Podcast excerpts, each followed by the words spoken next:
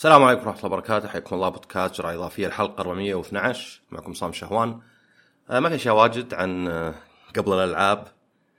آه، في حلقة سويتها شطحات عن 14 كتاب عجبتني يعني هي ما كانت خطة 14 كتب 10 بس لقيت إنه يعني 14 هو الحد الأدنى ولا يعني بصير اشيل الكتب عشوائي. فاللي بيسمعها في حتى القائمة في وصف الحلقة يعني اللي مهتم لأنه واجد من اللي اقوله قبل الحلقة يعني يا أفلام مسلسلات يا يكون يعني عن مثلا كتب لأني أقرأ كتب واجد. فيعني اسمعوها. طبعا دائما أقدر أي واحد يسمع بودكاستات الثانية شطحات لغيره طيب خلينا ندخل في الألعاب. آه اللعبة الأولى تكن. طبعا عبد الله ما قصر الحلقة اللي فاتت تكلم عن تكن قيمها. وهو يعني لاعب محترف فيعني يقدر يعطي آه فكرة يمكن أشمل وموجهة للطرفين أنا بالنسبة لي لعبتها وشريتها ولعبتها ويعني آه، قاعد أناظر النقاش حولها. ما بلاعب محترف طبعا ما يعني ما أقدر أقول لكم بالضبط والله. عارف إن اللعبة هجومية مثلا. آه، عارف إن حتى في فيديوهات على تويتر صارت من ناس يستهبل يفوز. يسوي نفس الحركة أكثر من مرة وتمشي. فطبعا هذا يعني أكيد إنه مع الوقت مع الموازنة بيتعدل بس بداية زي ما نزلوا شخصيات زي ليروي آه أو بي يعني قوية بزيادة. ولو ان ذيك يعني يمكن كان بسبب إنه أدري محتوى إضافي فيعني كأنه ما بقول إنه طريقة تسويقية لأنه تخرب اللعبه شوي. بس كان فيه آه، ذاك اللاعب التايلندي اللي يوم فاز قالوا شلون فزت ولا يعني يعني عطنا كذا مرئياتك. فزي اللي قال اختر الشخصية اللي أقوى من الباقيين بواجد يعني. يعني اختر الشخصية اللي غير متوازنة. آه طبعا هذا غير ال boosting اللي يعني في لاعبين. يعني للأسف نشوف الاشياء يصير واحد مثلا عنده شخصيتين وأنت عندك شخصيتين. واحدة من شخصياتي يعني أفوز فيها ثم خلي خليك تفوز عليها. فأسوي لك boosting أرفعك. ونفس الشيء مع شخصية ثانية. فيصير بالأخير عندنا شخصيتين high rank لأن نخلي بعض نفوز على بعض يعني. زين انه في تسجيل هذا ال recording فيقدرون الناس يشوفونه فيقدرون يفضحونهم. يعني إن شاء الله يعني يتبلكون لأن دائما هذا يدمر الألعاب ولا له فائده يعني. بالعكس يعني أقدر أقول بعد إنه يدل على. يعني شخصية مهزوزة وثقة بالنفس ضعيفة. إنك تبي تسمى لاعب يعني تبي إنك تاخذ rank عالي وأنت ما ما وصلت له. يعني هذا كاني أسرق لوحة أحد وقال رسمتها. أي واحد يمدحني ويقول ما شاء الله والله إنك فنان بالرسم مو بيمدحني أنا. يمدح آه، كذب يعني. آه، كأنك مثلا تشتري شهادة. يعني على الأقل الأشياء اللي لها فائده ممكن ما نتقبلها بس ممكن أفهمها. يعني واحد مثلا يشتري شهادة عشان وظيفه زينة. يعني على الأقل هو يقدر يلعب على نفسه ويقول يعني أنا أستاهل وظيفة والشهادات صار لها قيمة. ويمكن يكون عنده حق بعد. بس هذه أشياء شكلية. يعني ال trophies حقتك وال آه، ال rank اللي تاصله وإنك تفوز في first person shooter إذا مو بصدق إذا تغش فيعني ما أدري شو شو يعني يقول عنك يعني ذا الشيء. إنك أنت يعني ما تقدر توصل هذا الشيء فما لك إنك تسرقه. فعموما أنا بالنسبة لي كتجربتي أنا يعني طبعا رسوم رهيبة وال input lag يعني مرة منخفض يعني بين ال 40 وال 50 آه ظهر يمكن كانت في السبعينات بعدين نزلت. آه وفي أطوار واجد. إذا تبي تحترف في عندك يعني التدريب مليان مو بس يعلمك حركات ويعلمك كيف تعاقب واحد مثلا يسوي حركة unsafe آه، مثلا block وغيره. وحتى فيه وطبعا فيه frame data وكلش. يعني frame data ببساطة وش إذا سويت حركة لها طبعا ال frame يعني اللعبه 60 frame معناها ال frame واحد على 16 من الثانية أو تقريبا 16.7 ملي ثانية. فالفكرة وشو؟ انه فيه أول شيء wind up يعني الوقت اللي الشخصية قاعدة تبي تنفذ حركاتها. وأحيانا يكون invincible مثلا زي شوريوكن من أول ما تقدر تضربه وهو يبدأها. بعدين عندك ال active frames اللي هي يعني إن عندك الفريمات اللي تلمس الشخصية. وبعدين أخيرا عندك ال recovery ال recovery طبعا هي الوقت اللي ياخذ بالفريمات اللي تبدأ تقدر تنفذ حركة ثانية. فإذا كان اللي قدامك صد والحركة هذه مجموع الفريمات لها يعني wind up و active و recovery مثلا 34 فإذا أنت إذا صديت ومثلا أنت ينتهي الصد مثلا ب 20 frame معناه عندك 14 frame تبدأ ضربة جديدة. إذا عندك ضربة طبعا مو لازم تكون ضربة بس تاخذ 14 frame لأنه يعني على حسب وش هو يسوي قدام يعني مثلا ال block يمكن يكون سريع ولا شيء. ف هذه أشياء طبعا يعني ما يمكن ما تنفع لأي أحد بس زي مثلا تعرف إن هذه الحركة unsafe on block. يعني لو سوى block ترى يعني ممكن يعاقب إذا كان لاعب زين.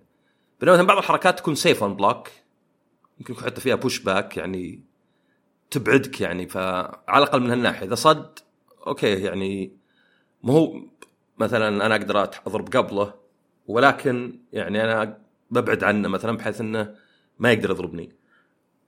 لكن أيضا يعني طيب محتوى اللاعب الواحد. لأن يعني كثير من الناس يلعبون الألعاب القتال.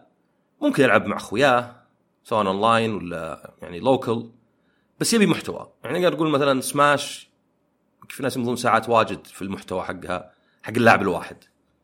مثلا نفس الشيء Mortal Kombat يعني Mortal Kombat من يعني Mortal Kombat 9 صار في طور قصة طويل. وأطوار زيادة و tower زي كذا أكثر من مجرد بس تخلص بكل شخصية ويجيك صورة ولا فيديو ولا كتابة في النهاية.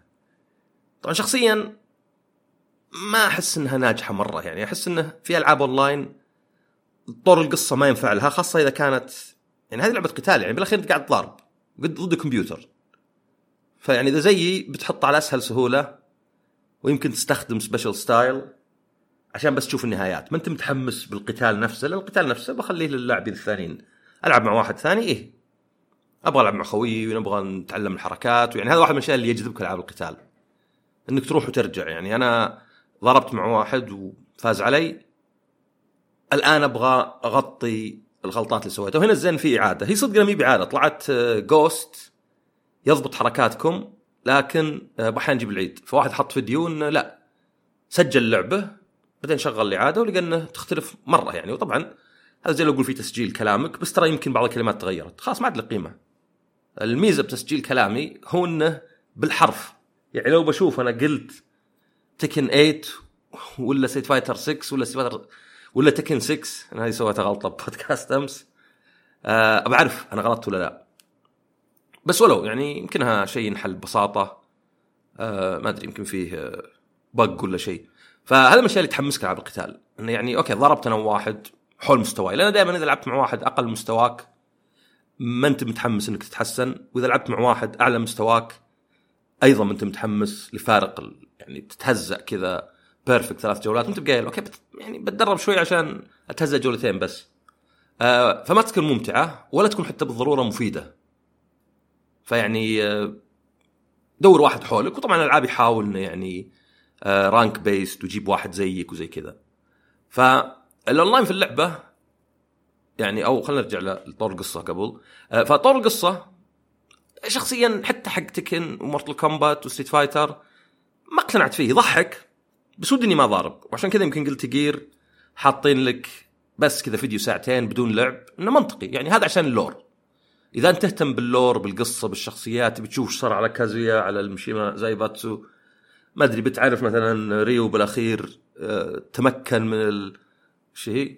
Satsui no Hado ولا لا؟ آه، بيكون هذا شيء يعني إضافي يعني يعني بالأخير أجل شو الشخصيات بعد؟ خلى واحد بس واحد آه، سمين وواحد نحيف وواحد طويل عشان بس ال range حقهم يختلف. فيعني لا أفهم يعني مثلا مسألة انه ألعاب القتال ما يبي لها قصة لا بالعكس ما أشوف هذا الشيء بس أشوف إنه يعني شيء لو إنه فيديو يوتيوب يكفي. فعندك طور القصة يصير كذا Super Saiyan بالأخير آه وما أدري يمكن بعد بعض القتالات تطول. يعني ما شفت انه شيء يعني صراحة إيجابي إلا إذا أنت من الناس اللي عجبته قصص يعني Tekken 7 والصحفي. فيعني على قولتهم يعني أنت عارف من أنت. لكن إذا أحد يسألني يقول لي والله أشتري Tekken لأنها مثلا فيها طور قصة مثلا لا يعني حتى في أحد يمكن يجيك ردة فعل يقول والله رفعوا بطور القصة وطلع عادي. طبعا في بعد اللي تلعب بكل شخصية من 32 ويجيك مقطع في البداية والنهاية يعني يشبه حتى من أيام Tekken 1 ويعني بعضها استهبال وسخيفة. والفكرة أكثر فيها بس نفس الشيء يعني ال lore اللي ما لقيت مثلا مش ما كان تطور بالقصة يلا يحطونه هنا. آه طبعا اللعبة فيها أيضا Arcade Quest ويعني الشيء اللي ما أقول والله استلهموه من Street Fighter بس Street Fighter أعطتك World Tour و Battle Hub World Tour لا حطوا لك لعبة يعني هذه اللي صدق أقدر أقول لعبة يعني أقدر أقول Street Fighter أفضل كفكرة. يعني عندك أدري كأنها Shenmue ولا مدري ما أدري إيش بالضبط ياكوزا ولا شيء. تمشي في لعب منصات تضارب ناس عشوائيين تنهي مهام. فيه يعني كذا زي المؤامرة تروح لدول مختلفة وتتعرف على الشخصيات حق Street Fighter تصلح شخصيتك أنت بنفسك وتتنقى كشكول حركات. مشكلته إنه كان جودته رخيصة. يعني كان كرسوم ويعني تنفيذ يعني أرخص شيء. لأن طبعا مو مسوين لك لعبة كاملة في وسط لعبة. وأنا أستغرب ليه الرسم بس الرسم لأنه طبعا ما هو بس على المحرك على بعد ال assets على التعب اللي تعبت فيها. هنا لا هنا أبسط وجودته أحسن بس أعتقد إنه مو من الأكثر. إنك أنت تسوي أفاتار أو ظاهر جاهز الأفاتار آه وبعدين يعني يعكس شوي السين حق الأركيد اللي هو مثلا والله في واحد ما يحترمك لين تثبت نفسك آه في ناس يدعمونك من البدايه وش معنى إنك في لعبة قتال وفي الكوميونتي حقها ولا في. يعني المجتمع حقها هل هو إنك لازم تفوز ولا انك تستمتع يعني قد يكون الاستمتاع هو أهم وإن نعلم بعض يعني أنا ما مثلا أدعم الناس اللي يلعبون تكن عشان بس واحد يفوز ويعني يشوف نفسه على الباقيين وندخل فلوس و طبعا ممكن إلا. وممكن ولا أنا مثلا آه، أبي اللعبة تنتشر أبي الناس المتابعين يعني يشوفونها ويستمتعون. يعني واحد من أخوياي آه، قاعد يلعب Resident Evil 4 عندهم الاستراحة.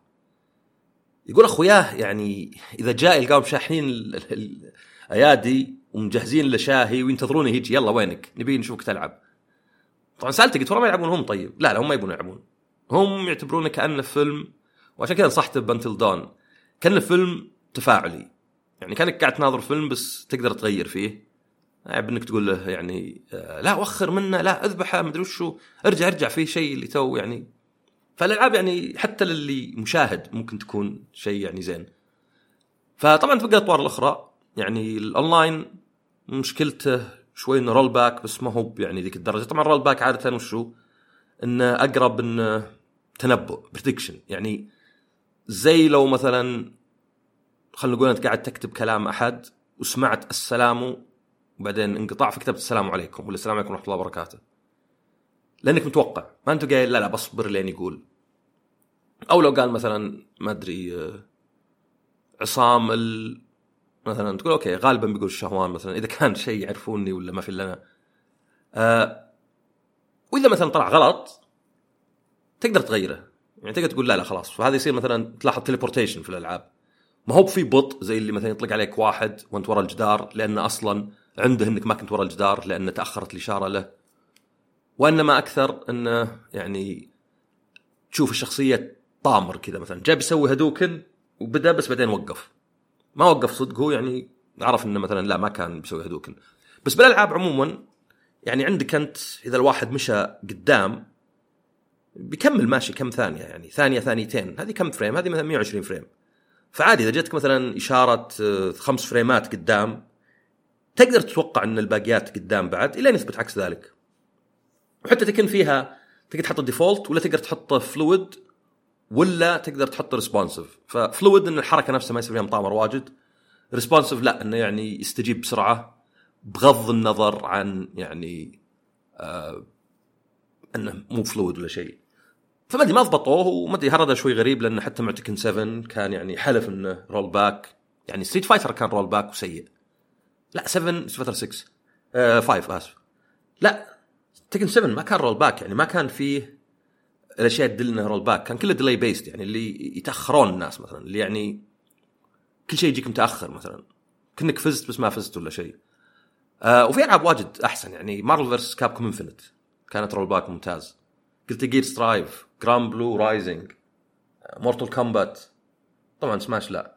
فيعني غريب إن هذا يعني الشيء. أنا أشوف انه ال World Tour حقهم Tekken World Tour كلها offline عكس Street Fighter فما أدري يمكنهم عارفين إن الاونلاين مو بمرة زين. بس مليانه أطوار طبعا مليانه يعني تقدر تلعب فيه PlayStation tournament تقدر تلعب واحد ضد واحد يعني على النت ولا جنبك ranked مو ب ranked آه بصراحه Arcade Quest ما تعمقت فيه. ما أدري إذا تقدر تلعب ضد ناس ولا كله ضد الكمبيوتر والصعوبة تزود شوي شوي. فيعني يعطيك انطباع إنك أنا مثلا تدريب عن إنك تلعب ضد الكمبيوتر آه في حتى مثلا ال soundtrack ات حقت Tekken كلها. مع إنه يعني ما يخليك تدخل وتغير فيها. آه ما أدري يمكن أقدر. آه، في شيء اسمه playlist كذا custom بس اني إذا دخلت ألقى فيه soundtrack ات أه أشوف لأنه Tekken بالذات 1 2 3 ما أدري عن الباقيات كان فيه arranged وفيه ال arcade. ال arcade في 3 أنا عندي أحسن من ال arranged بس مثلا في 2 1 لا ال arranged أحسن. فيعني لولا بعض الأشياء البسيطة يعني في ناس مثلا اشتكوا من ال customization ميزة ال customization في Tekken إنك تقدر تغير لون أي لبس. يعني أقدر آخذ شخصية زي رينا وأغير لون شعرها أغير لون ملابسها. فيعني هذا شيء ناقص في Street Fighter الالوان يعني بالعكس بقى تجيب فلوس ولا شيء. وما عندك ال customization يعني أتوقع انه Virtua Fighter 4 يمكن أول لعبة بدات customization والأشياء الاستهبال اللي مثلا واحد لابس قبعة كنا خبزة ولا حاط سمكة على ظهره. بس على بعض يعني أشوف إنه خاصة إنه يعني بغض النظر إن اللعب هجومي شوي بس إنها يعني يمكن هي قولتهم complete package يعني يمكن أحسن لعبة قتال من ناحية يعني تغطي كلش يعني. ولا فيها شخصيات 2D والحركة صارت أحسن رجعت زي 6 يعني يمكن مثلا بالنسبة لي الواحد يدور تنويع إنه ما في إلا ثلاث شخصيات جديدة. رينا اللي يعني صايرت في النص وأزو شو هي؟ أزوسينا وفيكتور إنه يعني ما هو بواجد يعني 10% شخصيات جديدة مقارنة ب Street Fighter اللي يعني 6 اللي هي 30% فيعني ما أدري أنا أشوف إن ألعاب القتال يعني إذا اللعبة بس بتغير الرسم وشوي باللعب okay هذا ممكن تحديث. يعني الشخصيات okay صعب إنك تضيف شخصيات إلى إلى قبل لأنه يعني تصل 60 شخصية كنا Tag 2 آه اللاعب لازم المحترف يعرف كل الشخصيات. ويعني يمكن التغيير بنظام القتال يحتاج لعبة جديدة. بس ودي بعد يعني شخصيات جديدة مو بس لعب جديد.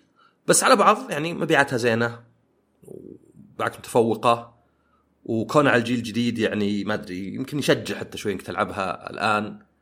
آه Street Fighter ممكن تنزل على ال Switch زي Mortal Kombat لأنها يعني موجودة على PlayStation 4 بس Tekken أحس مرة صعب. وحتى من ناحية المبيعات مثلا مبيعات Tekken منخفضة في اليابان بس يعني اليابان تقريبا ألعاب القتال خلاص ما عاد صار أحد يعني خاصة على ال console. يعني ال PC نوعا ما يعوض. ف ممكن يفكرون ينزلون Street Fighter على ال Switch بس أتوقع Tekken لا. بس ال PC يعني يجيب يعني لاعبين واجد محترفين يحبون يلعبون على ال PC مع إن انتبه يعني اللعبة تحتاج قوة فالناس اللي عندهم PC ضعيف قاعد يسببون مشاكل في الأونلاين يعني. فعلى بعض يعني شوفها package زين وتستاهل وطبعا ما عارفين إن اللعبة بتطول يعني. 7 قعدت كل الجيل اللي فات ويعني اللي قبله ما كان فيه إلا 6 و Tekken Tag Tournament فغالبا هذه يعني بتكون هي اللعبة الوحيدة Tekken طوال الجيل هذا. لا وحتى ما نزل سعرها مرة زي Street Fighter 5 يعني 7 بقت ال Ultimate Edition ما أدري وش اللي ما فيها إلا موسمين حتى بقت 100 دولار يعني مع تخفيضات قليلة. بينما Street Fighter لا خلاص. عندك Champion Edition ما أدري 30 دولار فيها كل 40 شخصية. عاد أضافوا عقب خمس. اللعبة الثانية طبعا في State of Play بديت آه، شو اسمه Granblue Fantasy Relink بس يعني خليها الحلقة الجاية وأتوقع عبد الله يعني بيكون لعبها وقيمها فممكن بعد يكون معنا. وما أدري في لعبة ثانية قاعد ألعبها ما أدري متى ال embargo حقها فممكن يكون بعد. لحظة اليوم وش اليوم؟ اثنين. أه لا لا ظهر ال embargo حقها عقب. وطبعا فيه يعني 7 Rebirth هذه ما يحتاج هذه نهاية الشهر. وكم باقي لها؟ باقي لها 27 يوم. باقي لها 27 يوم. فيعني آه هذيك إن شاء الله تجيني قبلها بوقت يعني يعني أتمنى إنها 10 أيام الحين تجي بس عاد آه يعني دائما تحت رحمة الناشر والموزع. ف State of Play كان فيه عدة ألعاب بس واحدة منها كان إعلان إنه في Silent Hill The Short Message و يعني زي اللي shadow drop أعلنوا عن لعبة نزلت حصرية بلاي ستيشن 5 مجانية. طبعا تستغرب المجانيه لأن يعني وش بالضبط قاعدة تسوق اللعبة؟ يعني P.T. كانت مفروض ل Silent Hills ما أدري حقت The Kitchen ما أدري إيش كان اسمه حق Resident Evil 7 تسويق ل Resident Evil 7 كونامي شركة تقليدية يعني أو غريبة اللي هي نفس تقريبا المعنى اللي إن الشركات تحس إنهم يحوسون يروحون يلفون يدورون يجربون X يجربون Y يكنسلون يهونون. فيعني كأنهم هم مع يعني هوشاتهم مع كوجيما كانت صدق إنه بسبب إنه خلاص راح تغير تفكيرهم توجههم. ما نبي العاب يعني الحين إحنا نتكلم عن سبايدر مان وطقتها إنها مثلا 300 مليون وإن هذا مدمر الصناعة. تلقى يعني ما أدري Metal Gear يمكنها كانت أقل من كذا بواجد يمكنها كانت 60 70 مليون. بس ولو كان توجههم إنه لا. ويمكن الآن بعد وقت يقول واحد والله تصدق يمكن كان عندهم وجهة نظر. يعني كوجيما بيجيب ممثلين وبيجيب ناس معروفين ويعني okay يعني Metal Gear بالذات Phantom Pain تحفه يعني تقنية للآن. يعني على البلاي ستيشن 4 ولعبة نزلت في أول عمره. 4K و1080 وعالم مفتوح حتى لو كان محدود ولا شيء. إنه عالم كبير يعني ما انت بنت في غرفة ولا في بيت صغير ولا شيء ما تقدر تشوف إلا سيب وبابين بس تغير التوجه وحتى قراشي طلع وكان عقبه يعني okay Metal Gear Survive استخدموا المحرك. Pro Evolution سكر وحتى خلوها مجانية. أو free-to-play يعني مو مجانية. وبعدين قاموا يسوون يعني remaster ات و remake ات ومن الأشياء. والآن طبعا عندنا Silent Hill 2 وعندنا Metal Gear مثلث. يعني هذه remake ات بس ميزانيات محدودة. وكان في Ascension اللي حتى ما تابعتها ما أدري إيش صار عليها. اللي كانها مقاطع فيديو وانت تصوت. جيت بنزلها PlayStation Store قال مي موجودة منطقتك قلت خلاص قاعد أنزلها جوال. إذا هي يعني شيء أقدر اناظر الحين ممكن أناظره بس ما أشك إني فاتني شيء على كلام الناس. بس في ألعاب أخرى كان في Silent Hill f يمكنها هذه ما أدري والله يمكن لعبة ثانية. فيه أه، لا f اللي شو اسمه اللي فيها كاتب أحد ال visual novels ما أدري أي visual novel آه وفي طبعا Silent Hill 2 فهذه يعني الميزة الأكبر فيها إنها أول Silent Hill من تطوير ياباني من ظهر 20 سنة. يعني آه اكيرا ياماوكا هو الملحن وهو اللي كان ملحن سلسلة قبل وكان حتى مخرج آخر كم جزء يمكن الثالث والرابع. وماساهيرو ايتو اللي هو مصمم الشخصيات الوحوش وذا موجودين هنا. ونعم الموسيقى ممتازة و Silent Hill ية وتصميم العدو يعني الوحيد في اللعبة آه، أيضا ممتاز. كذا واحدة كذا كلها ورق ساكورا. مع الظاهر f اللي بعد ساكورا فيها و كانها دمية ولا آلة ولا شيء يعني آه، من هالناحية ضابط. المحرك جيد مو بجيد جيد من ناحية إنه يعني ال materials والأشياء يعني كنا شوي Resident Evil 7 اللي يعني تحس كنا صدقية بس الأداء غريب. يعني يطيح بحالات مثلا اللي يلحق أحد يلحق ذا العدو أو حتى اذا فرت الكاميرا باحيان بس على بعض تلقى 60 فيعني شوي غريب وفي بعض التفاصيل يعني في مكتبة تدخلها فيها كتب واجد صح إذا دققت تلقى الدقة شوي منخفضة بس في مئات الكتب وكل واحد له اسم مختلف. فيعني آه، ما أدري هذه يعني أحس كأنها تجربة محرك ولا شيء. اللعبة نفسها first person والتخاطب فيها بسيط تحكم شخصية اسمها أنيتا وراحت المبنى في ألمانيا يعني كأنها يمكن ألمانية ولا شيء آه، مبنى في ألمانيا ما أدري كتن شتات آه، مهجور. مهجور عشان يقول لك انفجار فقاعه اقتصاديه وأيضا كوفيد. كان في شركات يابانية تبي تحيي المنطقة ذي. بعدين ما ضبط بعدين الحين يمكن في صينية. والمكان معروف إنه يجونه مراهقين واجد.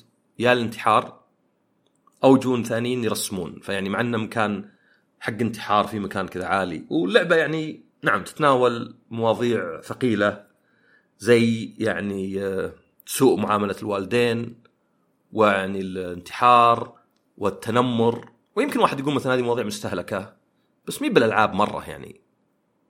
يعني حتى بالألعاب زي مثلا Lost Judgment ما هي بهي الفعل نفسه التركيز. وهنا طبعا يبدأ بك يعني يعني في ناس مثلا سمعت قالوا الكتابة سيئة. قلت يعني ما أنت بمراهقة عشان تعرف. إذا ما أنت بمراهقة ما أنت بعارف. كثير من الناس مثلا يجون يقولون آه وش ذا الكلام هذا مثلا ما يقوله واحد عمره مثلا 20 ولا 15 ويكون واحد عمره كبير ونسى كم وشلون كان يتكلم قبل يطلع لا مثلا زي يشابه شوي البريف اللي كانوا يقولون إن مؤدية الصوت ما أتقنت اللهجة الإسكتلندية وهي إسكتلندية مولودة في إسكتلندا وعايشة في إسكتلندا.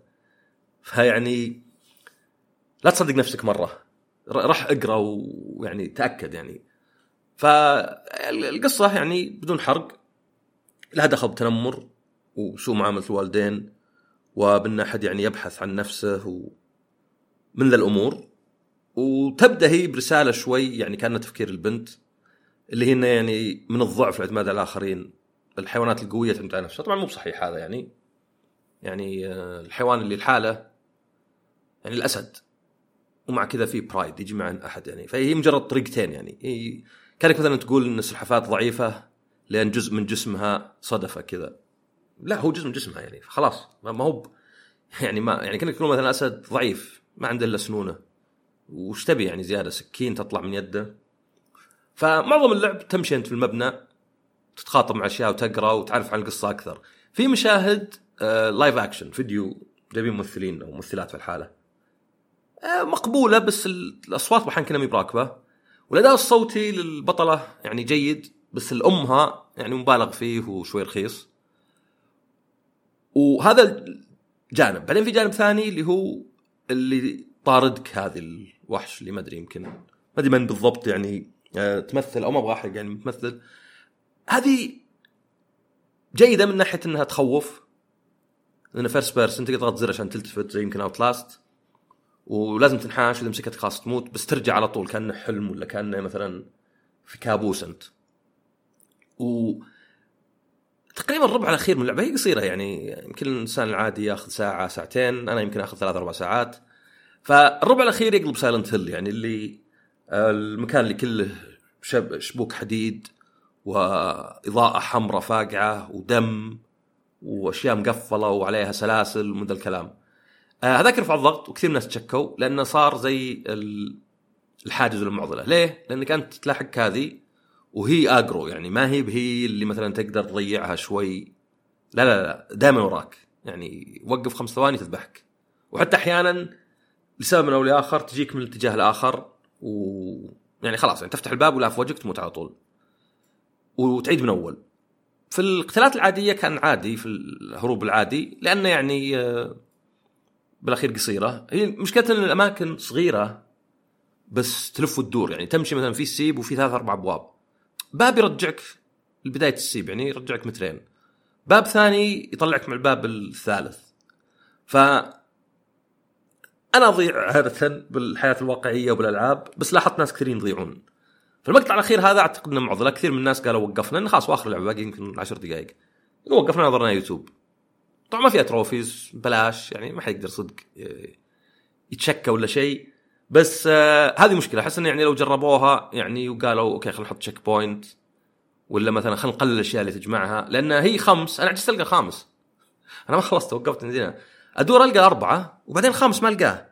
ولسبب ما حتى ما أقدر أغير الإضاءة. الإضاءة greyed out ولا أبغى أقدر أرفع التلفزيون يطلع شكله قبيح.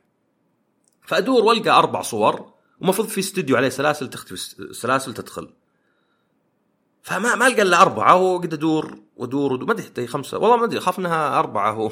وأنا ما أدري بس محبط شوي مر يرفع الضغط ولا هو بشكل زين مو بصعب هو على الحظ. يعني أنا قدرت يمكن حول العشر دقائق ما ذبحتني بس عجزت ألقى الأشياء. وفي أحيانا دقيقتين ألقى الأربع الاوائل وموت فتعتمد على الحظ أكثر. يعني حتى نظرت فيديو على يوتيوب من ذا المواقع اللي حقت trophy guides آه ست دقائق يدور يعني مر على بعض الأماكن خمس مرات. يعني حتى واحد عارف ولو مو هو بسهولة يعني. يعني okay إذا لعبتها خمسين مرة بحفظ المكان يعني آه عن ظهر قلب. بس ما ما أحس إنه ممتع وأحس okay وصلت الفكرة. بس على بعض يعني بعض المشاكل التقنية ويمكن هذا الجانب احس إنها يعني تجربة زينة. ويعني فيها من روح Silent Hill سواء ال- الرعب اللي بالأخير. بعض الكتابة بزيادة يعني يقول لك ما أدري Silent Hill phenomena كذا يعني okay مو بلازم يعني إنه ما أدري. بس على بعض دام مجانية أشوف أي واحد يحملها وينزلها إذا عنده اهتمام بالرعب ولا بسلسلة Silent Hill عموما تستحق التجربه بالتأكيد. وتستحق الشراء لأنها ببلاش. فيعني ما أحس إن صفر واجد عليها آه، صفر ريال. فهذه بالنسبة ال Silent Hill The Short Message هذه الألعاب اللي عندي بس إذا بغينا نشوف ألعاب ذا الشهر طبعا أمس يعني Relink نزلت الظاهر آه، ما أدري في البداية نزلت اللي عندهم early access والآن نزلت الجميع. نزلنا ب 60 دولار نسخة PlayStation 4 و5 بس في ديلوكس وخرابيط زي كذا واللي يعني نادرا ما يعني ما أدري أعطيها بال يعني. فهذه كانت يوم واحد. في بعد Jujutsu Kaisen Cursed Clash طبعا لعبة قتال من Bandai Namco إي والله من Bandai Namco شكلها كذا هم حقين الأنمي. بعدين ما ادري Legend of Legacy HD Remastered Persona 3 Reload اليوم أتوقع هذه حتى عبد الله بيقيمها و Suicide Squad يعني أخيرا نزلت كانت ثلاث أيام اللي شرى النسخه ما أدري وش وخبطت واجد. أشوف الناس يعني يقولون الرسوم زينة وبعض الكتابة جيدة. بس غير إنها يعني تطلعك من اللعبة إذا يعني صح المشكلة كانت في البداية ما كانت إنها تطلعك من اللعبة كانت تخلص لك اللعبة.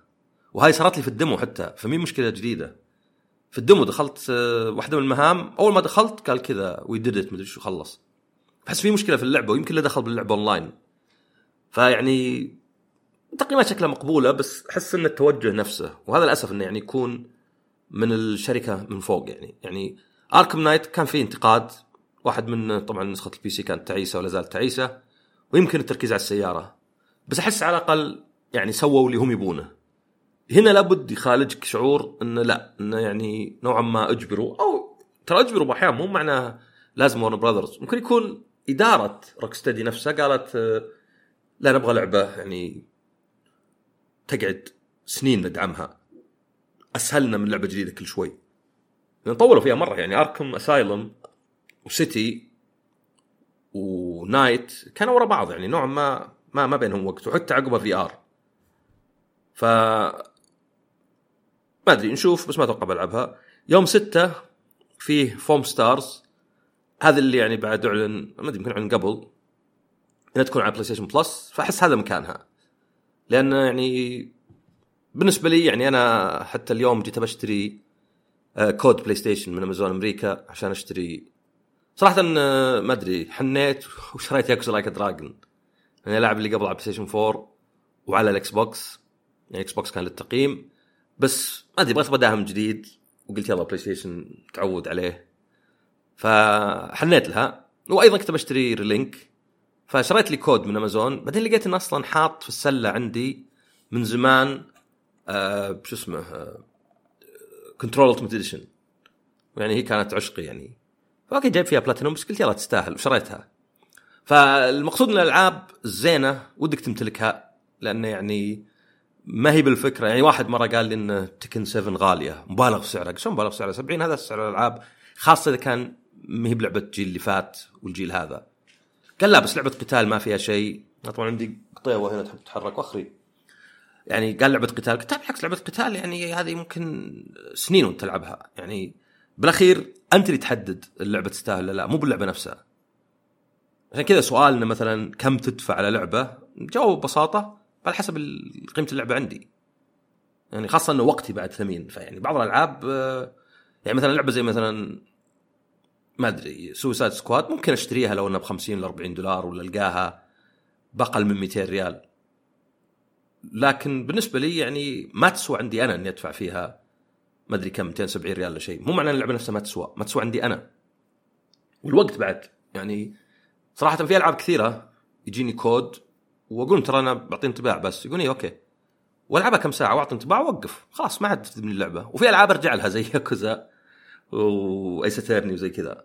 فخدمات زي Game Pass وزي PlayStation يعني Extra زينة عندي لأنها تعطيني هالفرصة. فأنا ماني مهتم إنه مثلا يكون عندي آه على الجهاز مجانا بين قوسين. طبعا تدفع اشتراك. مثلا لعبة زي آه ما أدري إيش في شيء كبير. 7 Rebirth مثلا. لا لا أبغى 7 Rebirth عندي. طالب ال collector's حتى لو جاني كود تقييم يعني إن شاء الله يجيني بس يعني ما نبقى لك انه مضمون. حتى لو في كود تقييم أبغى اللعبة collector's تصير عندي و Sephiroth طوله وعرضه. لأني يعني أحترم العمل. عشان كذا بعد يضايقني التسريحات. لأن أحس انها تدمر الألعاب بشكل بطيء. ف Foamstars مناسبة جدا لأن لعبة أتوقع بلعبها ساعتين وخلاص ولا عاد ألعبها.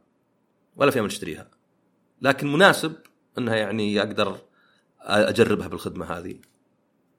إيش في بعد؟ في Helldivers هذا يمكن ألعب عشان أشتريها عشان ألعب مع أحد يعني co-op بس.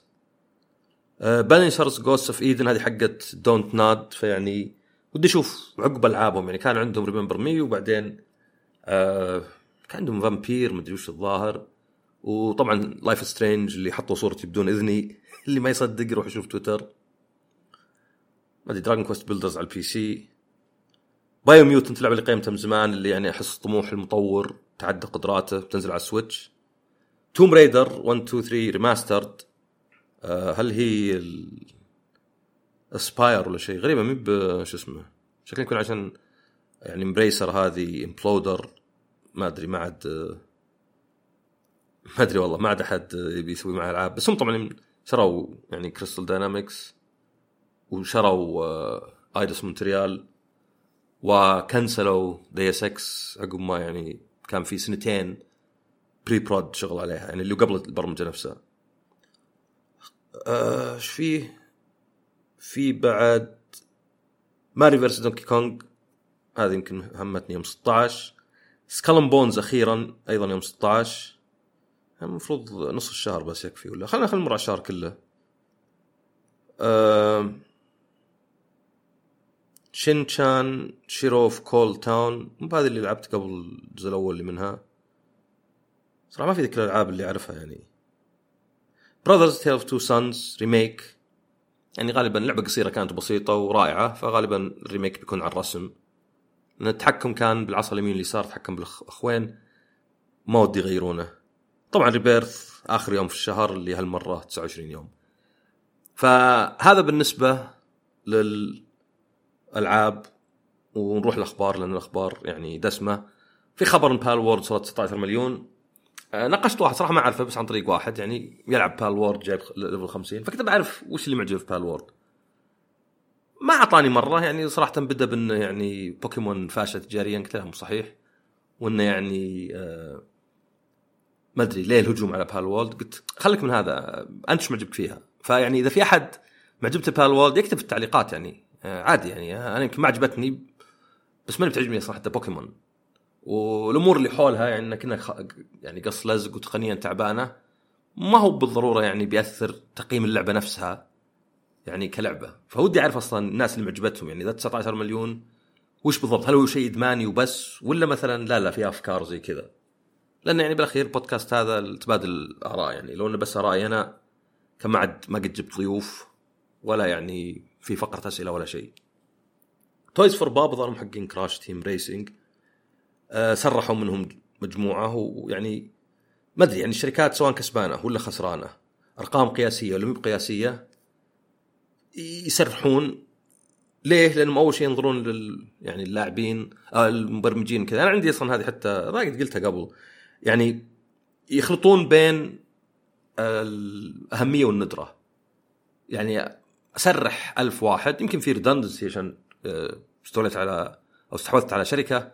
بس أحيانا بس إنه يعني الحين ما في مشاريع. لأن هذا كان كلام إنه في الألعاب مثلا بالأفلام على سبيل المثال ما في شركة موظفينها ما أدري سكورسيزي وما أدري آه، شو اسمه جوني ديب ولا ديكابريو.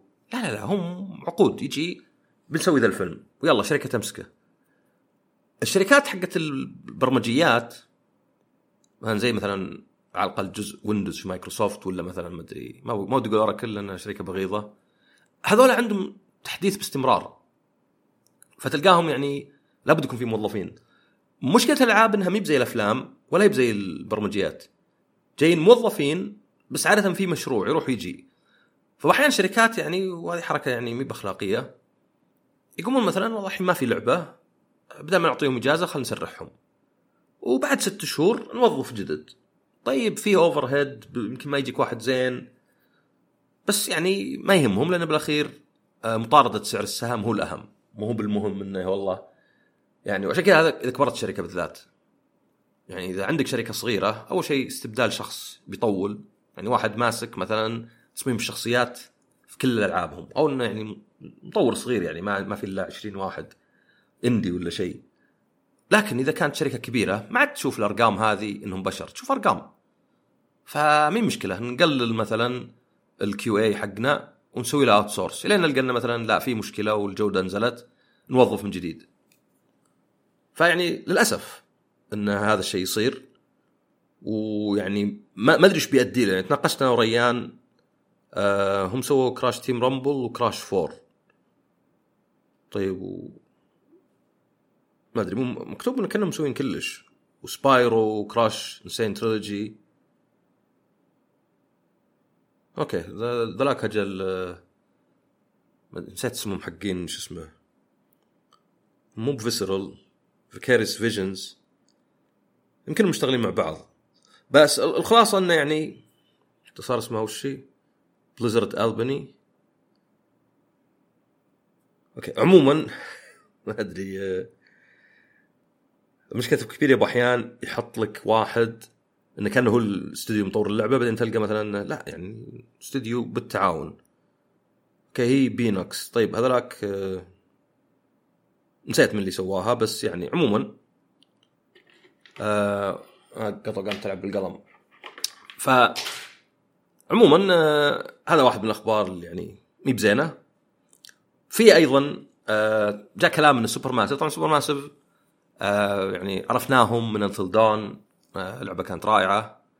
وبعدين آه أدري كانوا تهاوشوا مع سوني يعني صار بينهم شيء. كان مثلا في عقد إنهم كذا لعبة يطورون فطلعوا لك اجنده وطلعوا لك لعبة ال VR وطلعوا لك Until Dawn Rush of Blood يعني كلها كانت ألعاب دون المستوى. وبعدين ما عاد اشت- اشتغلوا مع بعض أبد. يعني حتى إعلان Until Dawn 2 يعني مطور ثاني هو اللي بيصلحها. ففي كلام إنه تهاوشوا يمكن لأنه يمكن كانوا يشتغلون على Until Dawn ما التزموا مع سوني. مع طبعا لو كان عقد يعني بيقاضونهم بس يعني يمكن كان مثلا مو بعقد صدق. شفهي انهم ما التزموا مع سوني وخذوا التقنية وصلحوا The Quarry وراحوا لجوجل وبعد ما جوجل تركتهم راحوا ل 2K بس الخلاصة إنه يعني بالأخير سوني مهتمة ب Until Dawn بس Supermassive طلعوا منها. ويعني حتى مثلا كان آه يعني هذه مدري شو اسمها Dark Pictures نسيت اسمها حتى لأنها مين من زينها ال VR آه لأن طبعا ما نزلوا إلا أربع ألعاب وقفوا الموسم الأول. ما كانت من نشر Bandai Namco فأحس إنهم هم يتهاوشون مع الناس ولا في في شيء يعني. يعني أصدق إنه المطور هذا يعني يمكن صعب التعامل معه. لأن جاء كلام إنه بعد في شوي تخبط إداري. يعني يصير حتى يعني شو اسمه داخل الاستديوهات يعني مو بلازم تخبط إداري دائما يكون آه، من برا يعني. لا والله صدق هم ما, ما غلطت أنا. Vicarious Visions هم Blizzard Albany و يعني أهم شيء إنه بس آه، ذاكرتي مضبوطة. بس أنا استغربت قلت Blizzard يعني okay Activision شارينهم بس إيش دخلهم يعني؟ فا إيه N. Sane Trilogy هم اللي اشتغلوا عليها. ما أدري ليه حاطين الثانيين ذولا يمكن ساعدوا. ف يعني ما أدري أنا أحس إن حتى لعبة زي Until Dawn ما يحتاج جزء ثاني يعني و Quarry ما كانت أفضل وحتى Dark Pictures ما كانت أفضل. يمكن الفكرة نفسها إذا ما عندك شيء كبير مو بلازم تسويه من جديد بس طبعا هذا رأيي. أنا دائما ماني بحب ال- الحلب لأن يعني النتيجة دائما أسوأ.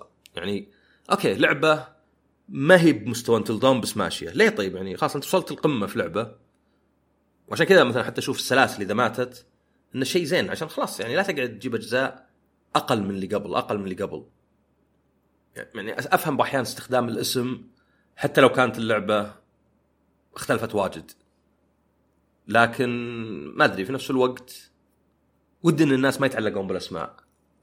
يعني يتعلقون أكثر بالمطورين مثلا. زي مثلا بالأفلام. نشوف مثلا والله أبغى أشوف الفيلم اللي فيه ممثل ذا ولا اللي مخرجه ذا المخرج. وليس مثلا أبي نفس السلسلة. طبعا شوف بالأفلام لا في واجد أفلام يطلع مليون جزء من نفس الفيلم. في كلام عنه في فيتا 2 ويعني المصدر مو بثقة مرة صراحة فيعني على قولتهم آه، ما أدري بالإنجليزي خذ مع شوي ملح ما أدري عندهم شيء كذا. رش ملح ورا كتفك عشان ما يجيك آه، عين ولا شيء.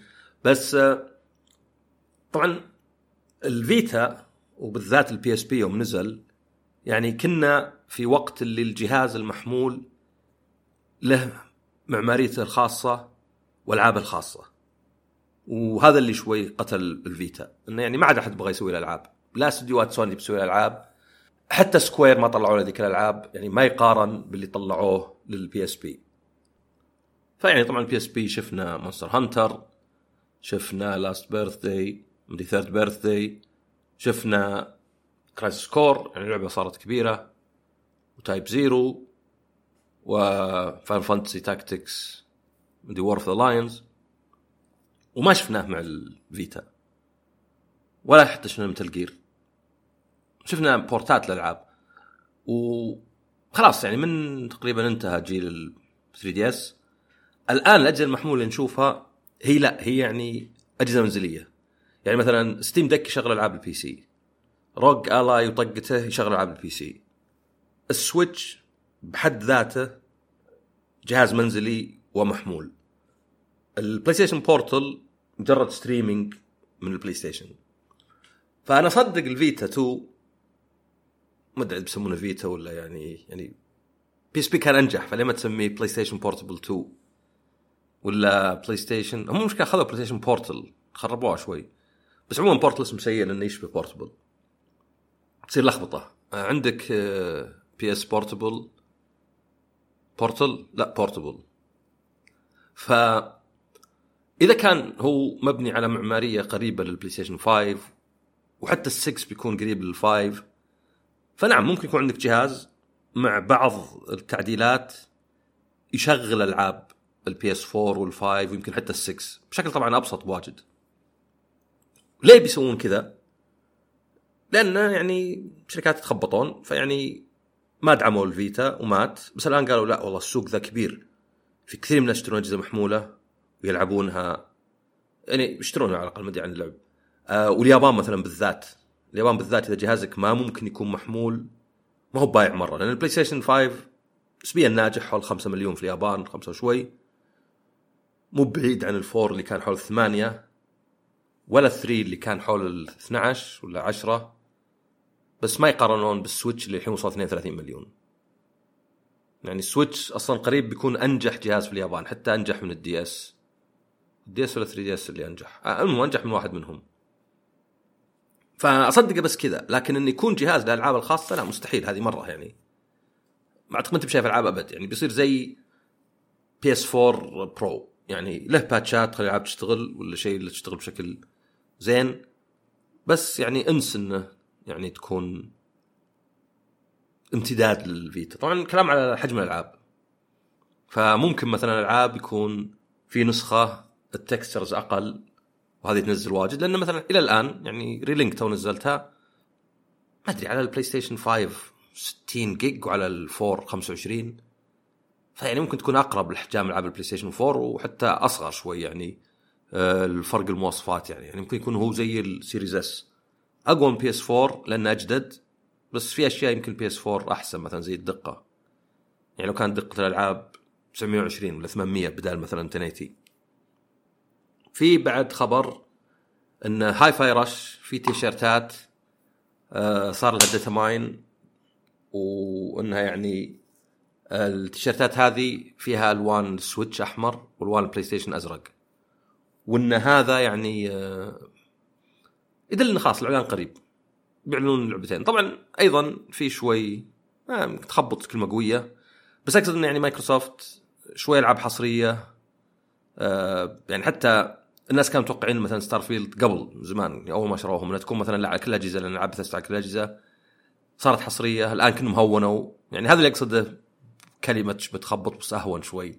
إنه يعني الشركات يروحون يمين بعدين يسار بعدين يسار بعدين يمين. يجربون. طبعا المشكلة إنه مثلا إذا أنت عندك Xbox وتشوف ذا الشيء يعني ما أنت بعارف بالضبط يعني أشتري الجهاز ولا ما أشتريه؟ هل بتكون حصرية ولا لا؟ آه فيعني حتى مثلا في كلام إنه عشان الدور بال digital Xbox وكذا إنه يعني في معظم الأسواق خاصة برا أمريكا ويمكن بريطانيا ألعاب ال Xbox بدأت تقل مرة اللي معروضة في المحلات. يعني كان في حتى تقرير ان 90% كانت رقمية.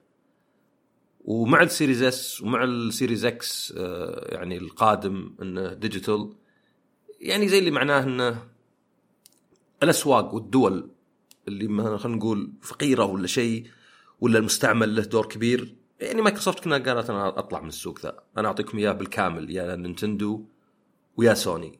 لأن في دول واجد من أمريكا الجنوبية بعض الدول يمكن في أفريقيا ولا آه، جنوب شرق آسيا اللي يعني مثلا لا disc لأنه مثلا ينزل سعره لأنه مستعمل.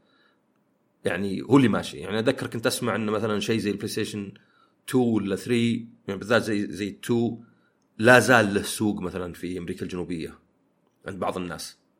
يعني تبي تلعب ألعاب يمكن ما يهمك مرة. يعني إذا إذا لقيت لك PlayStation 2 شغال زين مستعمل ولا شيء تلقى له ألعاب بالهبل سواء أصلية ولا copy ولا شيء يعني الأصلية تكون حتى رخيصة.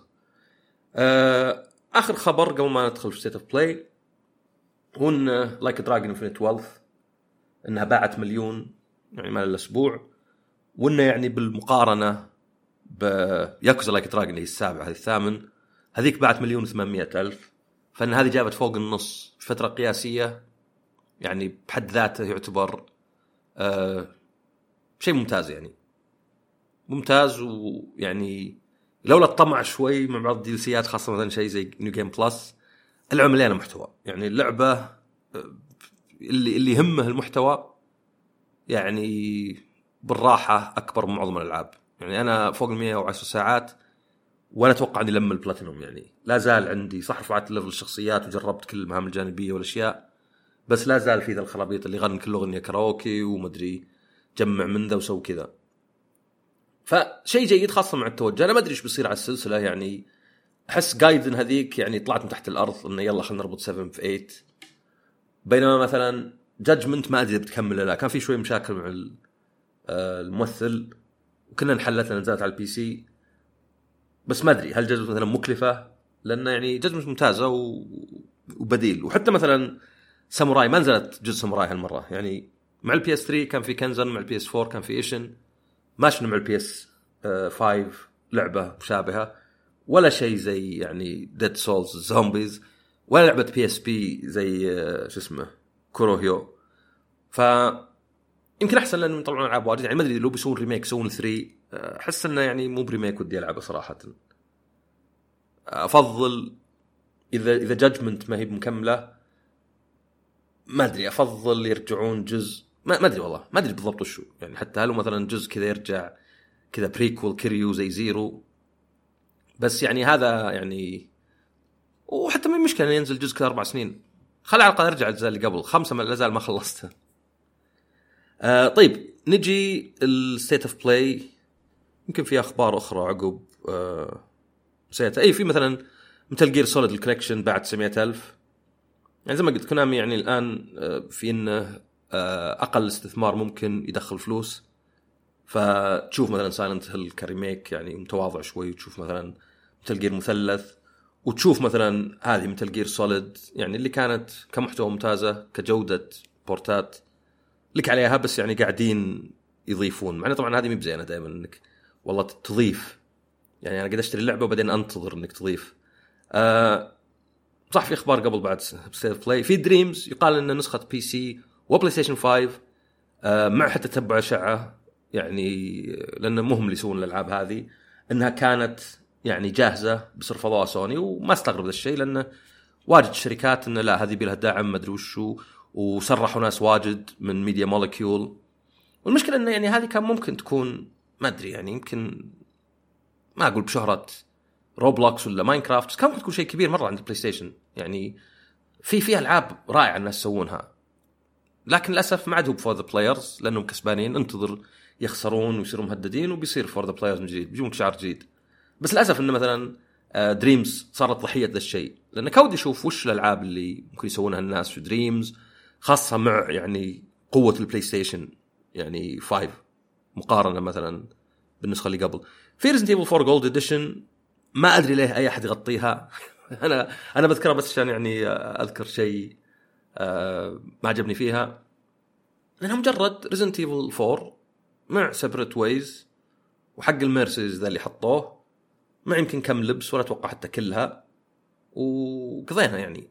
فوش الله أكبر يعني حزمة آه، محتويات موجودة ما في شيء جديد. بس الأسوأ إن نسخة ال PlayStation على الأقل آه، المحتويات الإضافية تجي على شكل كود. فال disc ما له قيمة. يعني النسخة اللي تجي disc تقول والله disc مغلف كذا وألعب عقب سنين وفي كلش. لا لا لا تحتاج النت غالبا مي حتى يعني آه، محدثه اللعبة مع التحديثات اللي يعني غيرت شوي في الرسوم وكذا خلتها أحسن. يعني مجرد زي ما سووا مع Street Fighter أخذوا اللعبة ديسكات Resident Evil 4 وطبعوا لهم كود حق محتوى إضافي وبعدين حطوها في الكرتون لزقوا عليه Gold يعني شتان بينه وبين مثلا Resident Evil 5 على 360 وال PlayStation 3 اللي كان لا فيها كل المحتويات.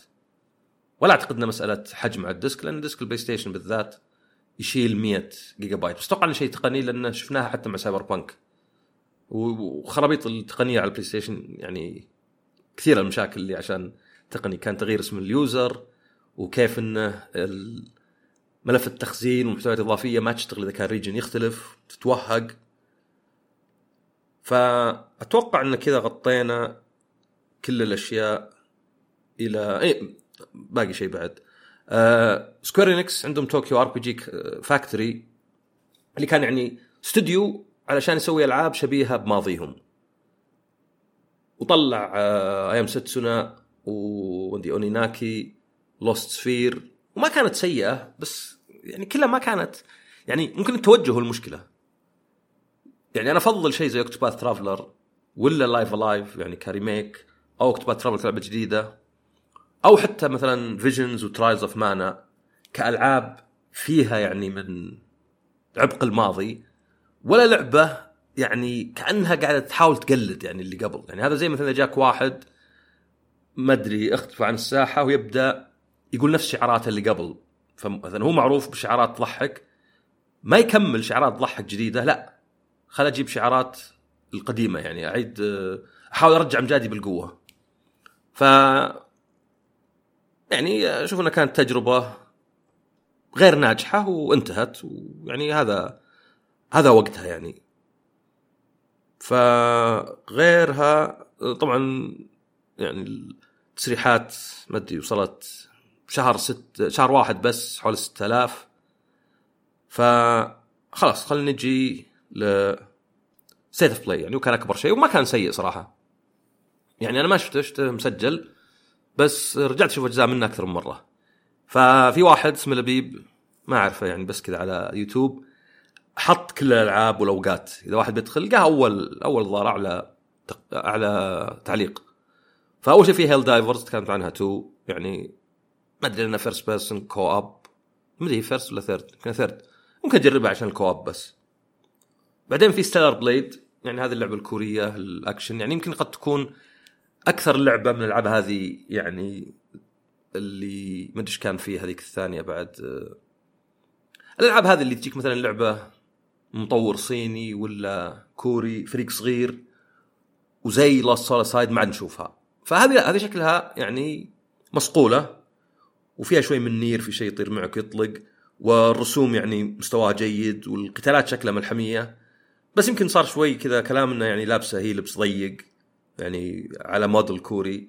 أعتقد إن هذا شيء يعني سطحي يعني إذا ما يعجبك أو ما تشوفها لا تلعبها. بس ما أعتقد انها مشكلة كبيرة لأنه يعني ما هي بلعبة. كل اللي نجحها ولا مخلي عليها الأنظار يعني هو تصميم الشخصية. يعني أنا بالنسبة لي بالعكس هذا الشكل اللي كنا Dead or Alive ما يجوز لي كانه عرايس يعني ولا أشوف إنه يعني بالعكس. ما أدري يعني كانها بعض الأنميات القديمة مرة من التسعينات. بس كلعبة أكشن ودعمتها سوني فيعني يمكن يكون تقنيا بعد دعموهم. يعني أشوف إنه ممكن تكون شيء زين يعني. وعلى طاري الدعم صح الحين يقال إن مايكروسوفت يمكن كنوع عشان بعد تخلي اللعبة حصرية. Palworld بيساعدونهم تقنيا.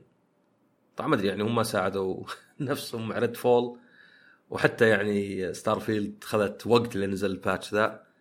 بس يعني بشكل كأن المطور يبي له من يساعده يعني ما ما هو حتى مهتم مرة. يلا خلينا نخلي اللعبة على ال Xbox One S مي ب 16 فريم و540 ف هذه بالنسبة ل Stellar Blade. بعدين في Sonic X Shadow Generations. آه ما أدري شكلها هي Sonic Generations مع Shadow. ما تستهويني Sonic مرة. بعدين في Zenless Zone Zero. هذه من آه HoYoverse حقين Honkai و Genshin Impact.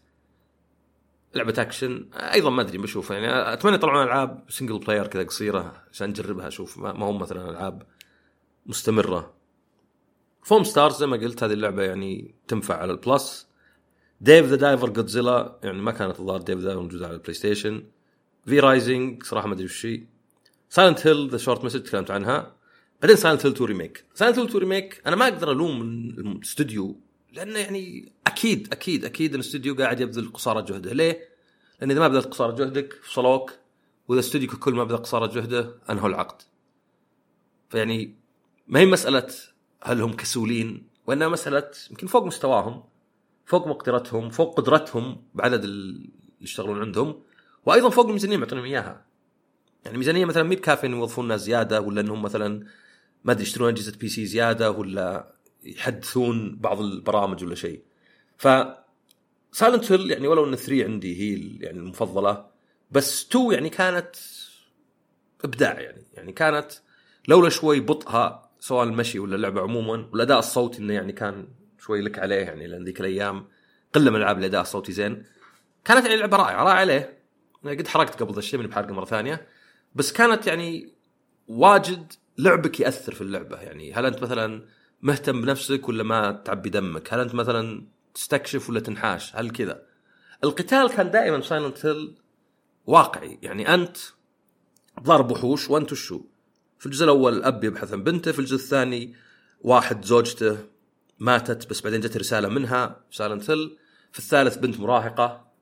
فما تتوقع إنه يعني Resident Evil 4 و... وأكشن وكذا. فكان مثلا إنك تاخذ خشبة وتضرب أول شيء يجيك ال- العدو يروعك وتقعد تضرب تضرب لين تنكسر الخشبة وأنت نفسك شوي تجدع اليد وتنحاش يعني كان يدخلك بالجو يعني كان القتال ليس يعني يمكن زي امنيجا شوي ما هو القتال بحد ذاته متعة. هو عقبة وجزء من عامل الضغط في اللعبة. وأيضا طبعا القصة يعني ما تنبان إلا على النهاية واللعبة نفسها غامضة. يعني كان جيمس مو مكترث يقدر يفتح بيبان وينزل تحت كل ما لا يقرب لجهنم. وطبعا الموسيقى وتصميم الشخصيات والأمور هذه.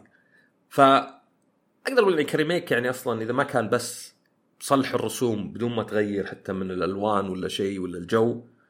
فانه مو يعني ريميك أنا إيجابي تجاهه بس طبعا الواحد ينتظر شوي يشوف. يعني في ردات فعل واجد إن القتال مفقع بس غيروه. خلونا كنا أكشن. طلع كنا أكشن مفقع بدل ما هو كأنه ركيك. وإن الكاميرا third person من وراء. وكان في شيء مكتوب كذا reap what you sow من زرع حصد. حس ما لها داعي يعني لأنها يعني لا تعامل اللاعبين كل اللاعبين وكانهم اغبياء تعلمهم كلش يعني. يعني آه، خل في أشياء. اتذكر هي ظهر Silent Hill 2 أذكر كان في زي نهايتها ها مو بحرق. بس حول النهاية تسمع كلام تقدر تروح تتركه. ما هو باللي لا ما تقدر تتحرك لازم تسمعه. يعني كأن اللعبة تقول لك ما تبي تسمع ذا الكلام لأنه يمكن ما ودك تسمعه. تقدر تطلع يعني. فهذا كان يعني اللي مطور اللي واثق من نفسه اللي مو بقاعد يبحث. هل لعبتنا ممكن أحد يترك ذا المشهد ثم يقول ما سمعته ولا شيء؟ وطبعا هذا يصير يعني إذا كان اللي فوقك مو بيجون يقولون لا لا لا اللعبة هذه. في ناس يقولون آه مشينا ما توقعنا يعني يوم رجعنا ما عاد رجع الكلام. اي لأنه يعني خلاص أنت تسمع كلام قضينا يعني يعني زي بعض الألعاب اللي مثلا تخليك تتخلص من أشياء مهمة. يعني ما أدري أشوف إنه مو يعني ممكن يوهق زي ما وهقني في Final 16 يعني تخلصت من سلاح طبعا بعدين أقدر استخدم التصليح سلاح ثاني وعليه trophy. بس أيضا إذا جيت ببدل سلاح وقال لي لا ما لا يمكن هذا ليه ما لا يمكن؟ يعني بفكر ليه؟ بيخرب علي شوي اللعبة إنه آه okay هذا شكله مهم ولا شيء. عندنا Judas هذه لعبة Ken Levine اللي يعني حل ولا سرح ناس من Irrational Games وغيره Ghost Story Games علشان بعدين يسوي لعبة شبيهة واجد BioShock صراحة أول ما شفتها قلت هذه يا Clockwork Revolution يا BioShock جديدة. الفكرة المفروض إنها لا إنها يعني القصة والأحداث ديناميكية. شلون بالضبط ما أدري يعني هذا أصلا أول عرض لها. بس ممكن مو بس مثلا والله نهايات ولا شيء لا ممكن مثلا عندك فيه ما أدري سلاح في ذا المكان مقفل الباب يمكن تقدر تفتحه ب 50 طريقة ما هي حتى يعني مبرمجة كلها.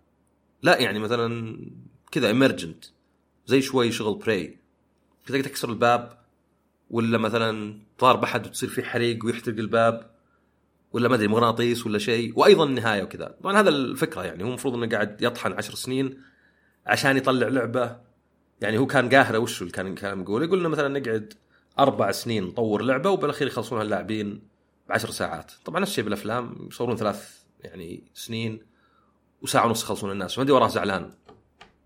فيعني إذا كان مثلا والله إن الألعاب ما تبيع هذا شيء ثاني يعني. بنشوف ليه مثلا الناس ما يشترون الألعاب. بس أعتقد إنه يعني بغض النظر عن مبررة يعني بالأخير ودي أشوف تغيير زي كذا. ودي فعلا لعبة ما هو بس يعني ودي لعبة أجرب أي شيء وينجح أو يفشل بشكل يعني أحس إنه من صنيع يدي. مو والله لا لا طلع الباب يعني ما أدري ليه الباب هذا ما تقدر تكسر بمسدس. يقفل بس الباب ذاك تقدر. ليه؟ الله أعلم. المخرج عاوز كذا. يعني آه، هذه من الأشياء اللي بالألعاب هذه اللي تقتل شوي انغماسك في اللعبة. انه خلاص ما عاد آه، أحس بالإنجاز. والله أنا فكرت بشيء سويته. لا. أنا فكرت شيء آه، أو أنا جربت كلش حتى لو شيء غريب وما له منطق بس واحد منهم نجح لأنهم هم يبونه كذا. في Metro Awakening VR. ما أدري سلسلة مترو يعني ما أدري الجزء الأخير ما نجح ولا شيء بس لسبب ما يعني قرروا هذا الجزء VR وموجود على كل الأجهزة أو يعني قصدي Oculus أو Meta Quest و Steam و PlayStation ما أدري أنا لعبت الأولى جازت لي الثانية ما كملتها والثالث ظهر ما بديتها حتى أو بديته ولا شوي. بس ال VR يقدر يصير رهيب احيان زي مثلا Resident Evil 7 ويقدر يصير زي Bulletstorm مهم مرة. ولو انهبه ال VR يعني نوعا ما انتهت بس ما أدري يمكن يبون يجربونهم يعني. في Legendary Tales VR يعني هذه تضحك هذه أتوقع أشتريها بس عشان أقدر بقس الهياكل العظمية وأكسرها. في Dragon's Dogma 2 Dragon's Dogma 2 يعني المخرج قال إنه مثلا ما أبغى أشوف ال fast travel معناه إن اللعبة مملة فما أبغى أعتمد عليه. يعني الأولى بعد كان شوي صعب ال fast travel وأيضا يشوف الأسهم على الخريطة تخرب اللعب. وهذا يعني أتفق معه بس لازم تكون اللعبة واضحة يعني أنت ما تقدر تأخذ اللعبة فيها أسهم على الخريطة وتشيل الأسهم. يعني مثلا آه، Control ناس يقولون تلخبط. بس أحس لأنه ما تعودنا نقرأ العالم. بينما مثلا Resident Evil 2 تقييمي أذكر في واحد يعني ما عجبته الفكرة زي اللي مين منطقية. كنت أقول إنه كبروا عالم Resident Evil 2 ولا زال تضغط زر عشان الخريطة. وحتى هذا شوف المشكلة يمكن في Alan Wake فصرت أنت لا أنت باللي تقدر تحفظها بسهولة زي الأصلية ولا أنت باللي عندك سهم يدلك. فالسهم هو ترقيعه بس إزالة الحالة ما تنفع. ما تقدر تقول بأخذ اللعبة ذي مثلا Witcher بشيل السهم. ما وين؟ العالم واجد فاضي ويتشابه. لابد تكون لعبة زي مثلا Control أو مثلا حتى BioShock اصليه اللي يعني تحفظ العالم وتقدر تقراه. طبعا جت شائعات ان اللعبه 30 frame وحتى جت صورة إنه يعني إذا بتلعبها 4K 30 تبي ذا الجهاز إذا بتلعبها 1440 30 هذا الجهاز وإذا تلعبها 1080 هذا الجهاز. طبعا أحس إنه صعب ال PC تحد الناس ب 30 بس قد صارت. زي Dark Souls 1 الأصلية و ما أدري Deadly Premonition 2 لا Deadly Premonition 2 ظهر 60 frame بس الأولى هي الأولى. آه 1 فأحس إنه يعني ما أدري بيكون مرة غير منطقي. يعني إيش دخلك أنت؟ خلاص. خلى الناس يحطون الدقة اللي يبونها وهذا وال PC عموما مليون ألف configuration فقد يكون مو بهذا قصدهم. وقد يكون فقط حطوه لأن ال console 30 طبعا 30 frame قادم لا محالة يعني يعني دائما أقول أنا 30 و60 ما دخل تقنيا. PlayStation 1 وبالذات 2 كان مليان ألعاب 60 frame. و3 بالعكس قلت مرة. فالفكرة هي الاختيار نفسه. يعني أذكر الآن Insomniac قلت بالحلقة كم مرة. مع Ratchet & Clank قالوا المقيمين والناس ما يهتمون ب 30 60 آه خلاص بنحط العابنا 30 يعني خيار كان. لأنه الصورة واضحة بالصور وبكلش وفيديوهات يوتيوب اكثرها 30 أصلا حتى لو لعبة 60 بس الأداء في ناس يحلفون إنه ما في فرق أو ما يلاحظ فرق بين 30 و 60 فبالذات مع Unreal Engine 5 وإذا استخدمت Nanite واستخدمت ال global illumination حقهم يعني بيكون فيه ألعاب 30 يمكن مع ال PlayStation 4 5 Pro يصير في خيار 60 مع إن ال CPU نفسه بس يعني يمكن يكون ال GPU هو ال bottleneck. فأنا ما أشوف فيها مشكلة مرة لأن أعرف إن محركاتهم زينة وأفضل تكون 30 ولا تكون بين 30 و 60 وغالبا حول ال 30 وترقى وتنزل. بس يعني لو كان ممكن يحطون خيار 60 حتى لو الدقة أقل يعني حتى لو شيء زي يعني ما أدري كنت بقول Final Fantasy 16 بس Final 16 حتى طور 60 ما هو بثابت. يعني قلت أنا ما عندي مشكلة. عطني خيار. انقص الدقة وبعض المؤثرات بس اللعبة تصير يعني ناعمة. عطني ذا الخيار وحتى أكتب إن هذا performance ولا شيء.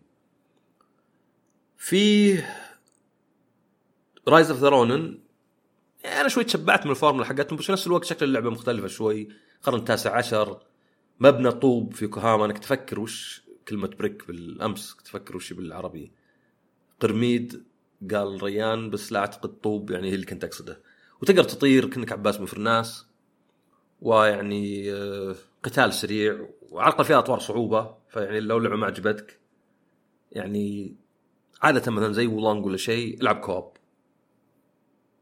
وإذا اللعبة لا نزل الصعوبة. لأنه طبعا مني قاعد أموت مليون مرة عند لعبة أصلا يلا عجبتني بس أبغى أشوف القصة ولا النهاية ولا شيء. في بعدين Until Dawn PS okay هذا قطوة طيحت شيء.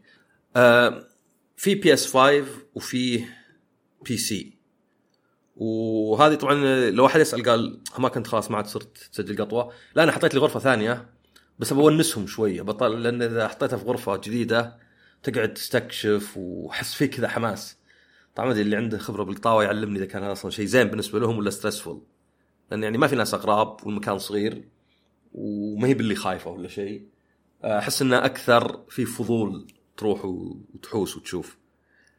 ف Until Dawn PS 4 و PS 5 و PC يعني أقرب لل remake.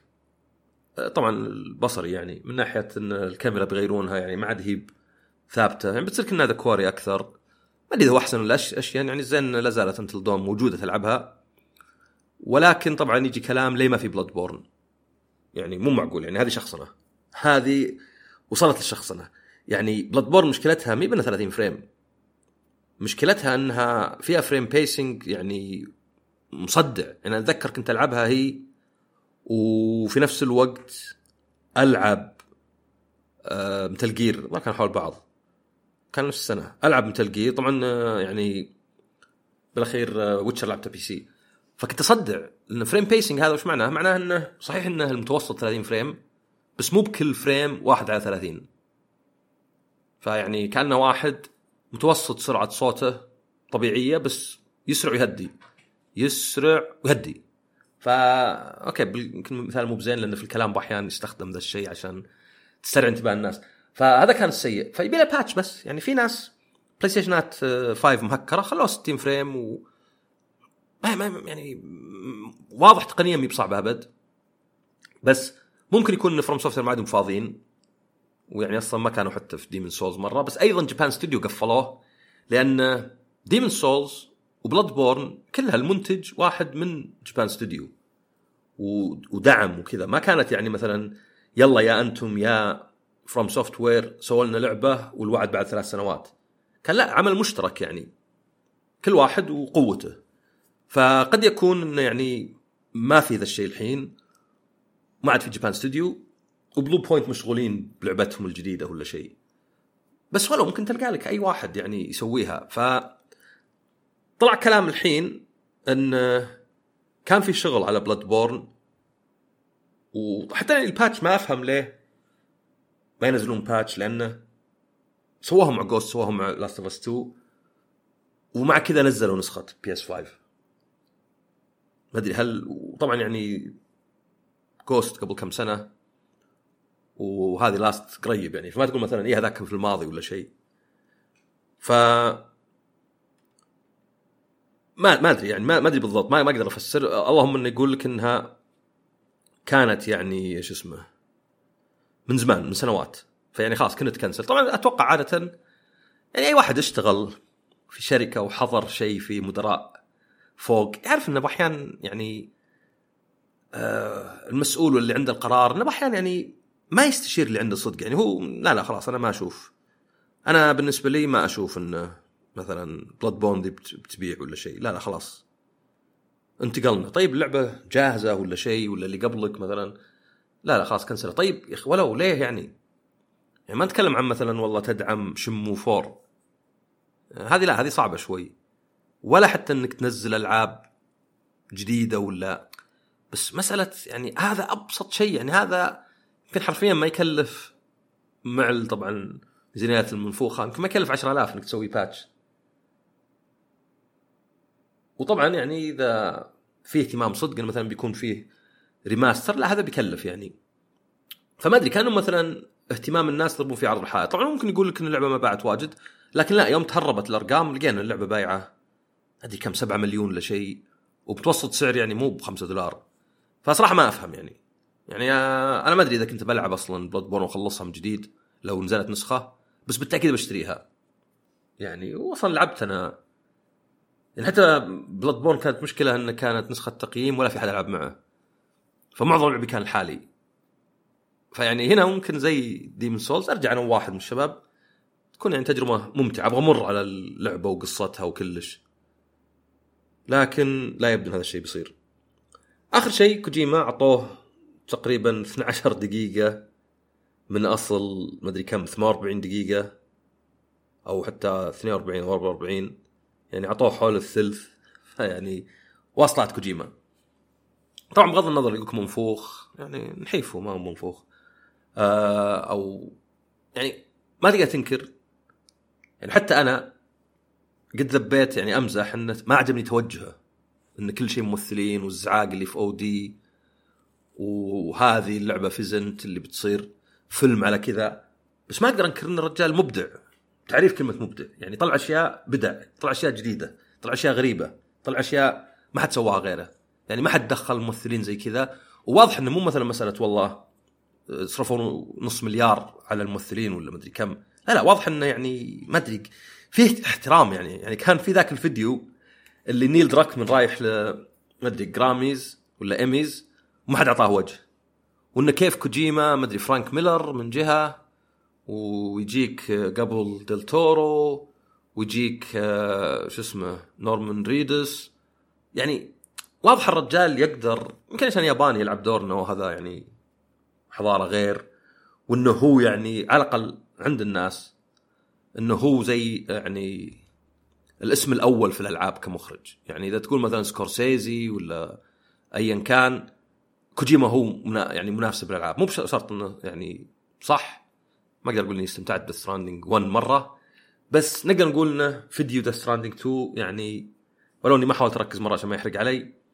بس ما أدري في اخبال في إبداع. ما أدري واحد حاط مكياج كنا جوكر ولابس قناع آه اللي هو آه، شو اسمه هيجز ومع جيتار كهربائي حرفيا كهربائي يطلق كهرب. ويعني شكله تكون فيها أشياء مجنونة. هل بيكون على قولتهم توصيل طلبات؟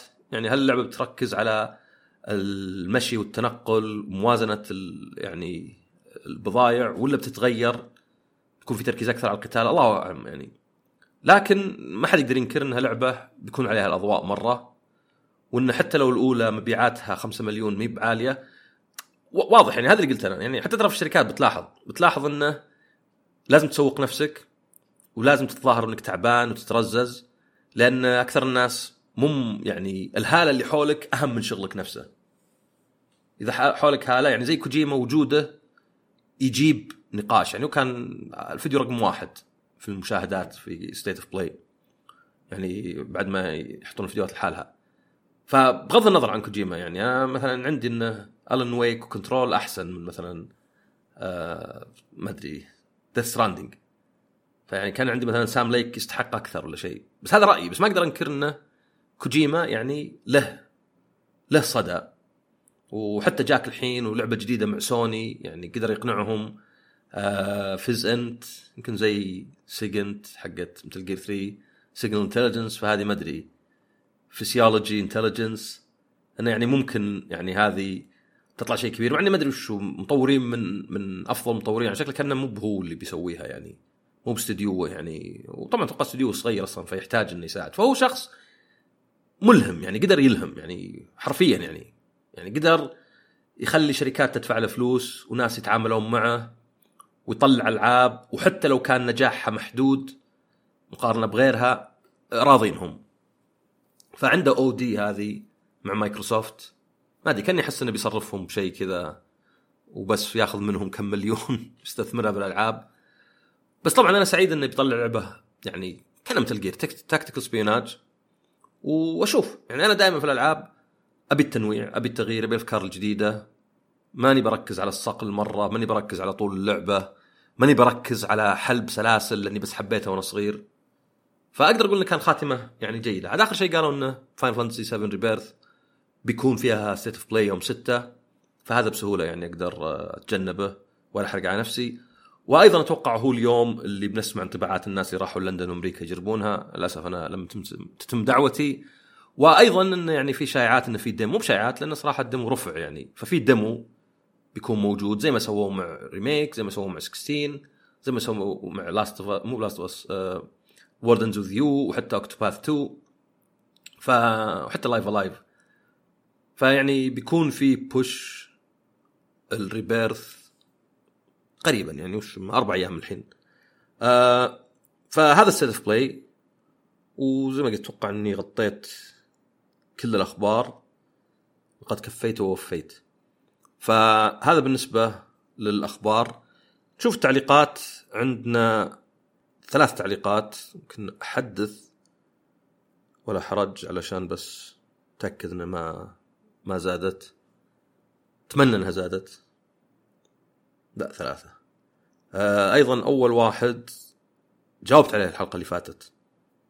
يعني كان أبو عزوز يقول يتكلم عن Game Pass فجاوبت على الحلقة اللي فاتت يعني إنه أتوقع انه صدفة انه ألعابهم ما قدمت المأمول منها وإنه في Game Pass طبعا مو بصدفة مرة لأن أصلا تكفيل استديوهات هو اللي أدى أصلا يعني اللي أدى انه عقب يقولون ما يقدر ننافس بطريقة تقليدية فخلنا نركز على Game Pass بس هذول قاعدين يشترون استديوهات يعني بيرجعون الاثنين يعني إحنا نطلع ألعاب واجد بس ما تكون شرط حصرية وأيضا تنعش ال Game Pass أكثر من تبيع. لكن ال Game Pass نفسه وال PlayStation وذا يعني أحس إنه فيه الزين وفيه الشين. يعني حتى حق Baldur's Gate قال انه يعني لعبتنا ما هي مناسبة. ما ما, ما نبي الناس يعني إذا شريت لعبة نفسيا أنت تعطيها اهتمام أكثر لانك شاريها. بينما إذا دخلت على Game Pass ولقيت لعبة يمكن تحملها بس يمكن تسحب عليها. ليه؟ لأن ما شريتها. فهذا شيء نفسي.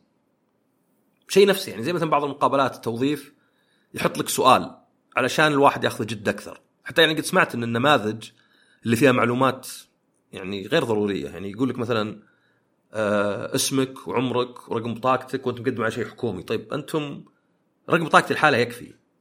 أنتم عندكم المعلومات هذه كلها. انه أحيانا تضاف علشان الواحد ياخذه جد أكثر. يعني لو في نموذج كذا بس ما أدري تجديد رخصة بس مثلا لا عند تجديد رخصة تقدر تسويها لي. بس مثلا لو في مثلا بتقدم على فيزا وما يسألونك معلومات واجد مي زي كذا يمكن ما تأخذ الموضوع جد.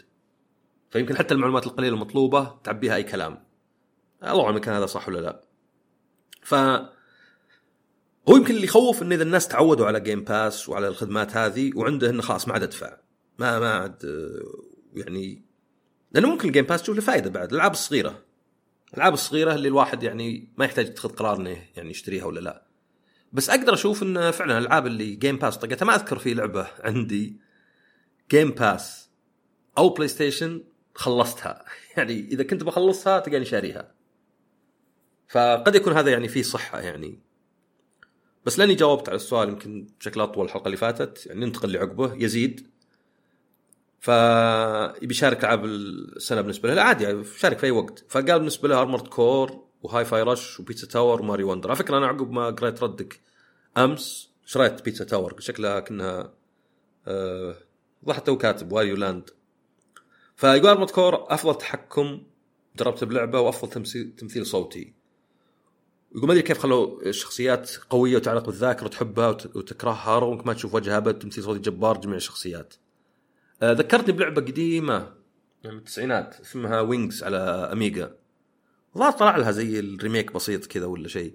كانت لعبة اللعبة نفسها ثلاث أنواع.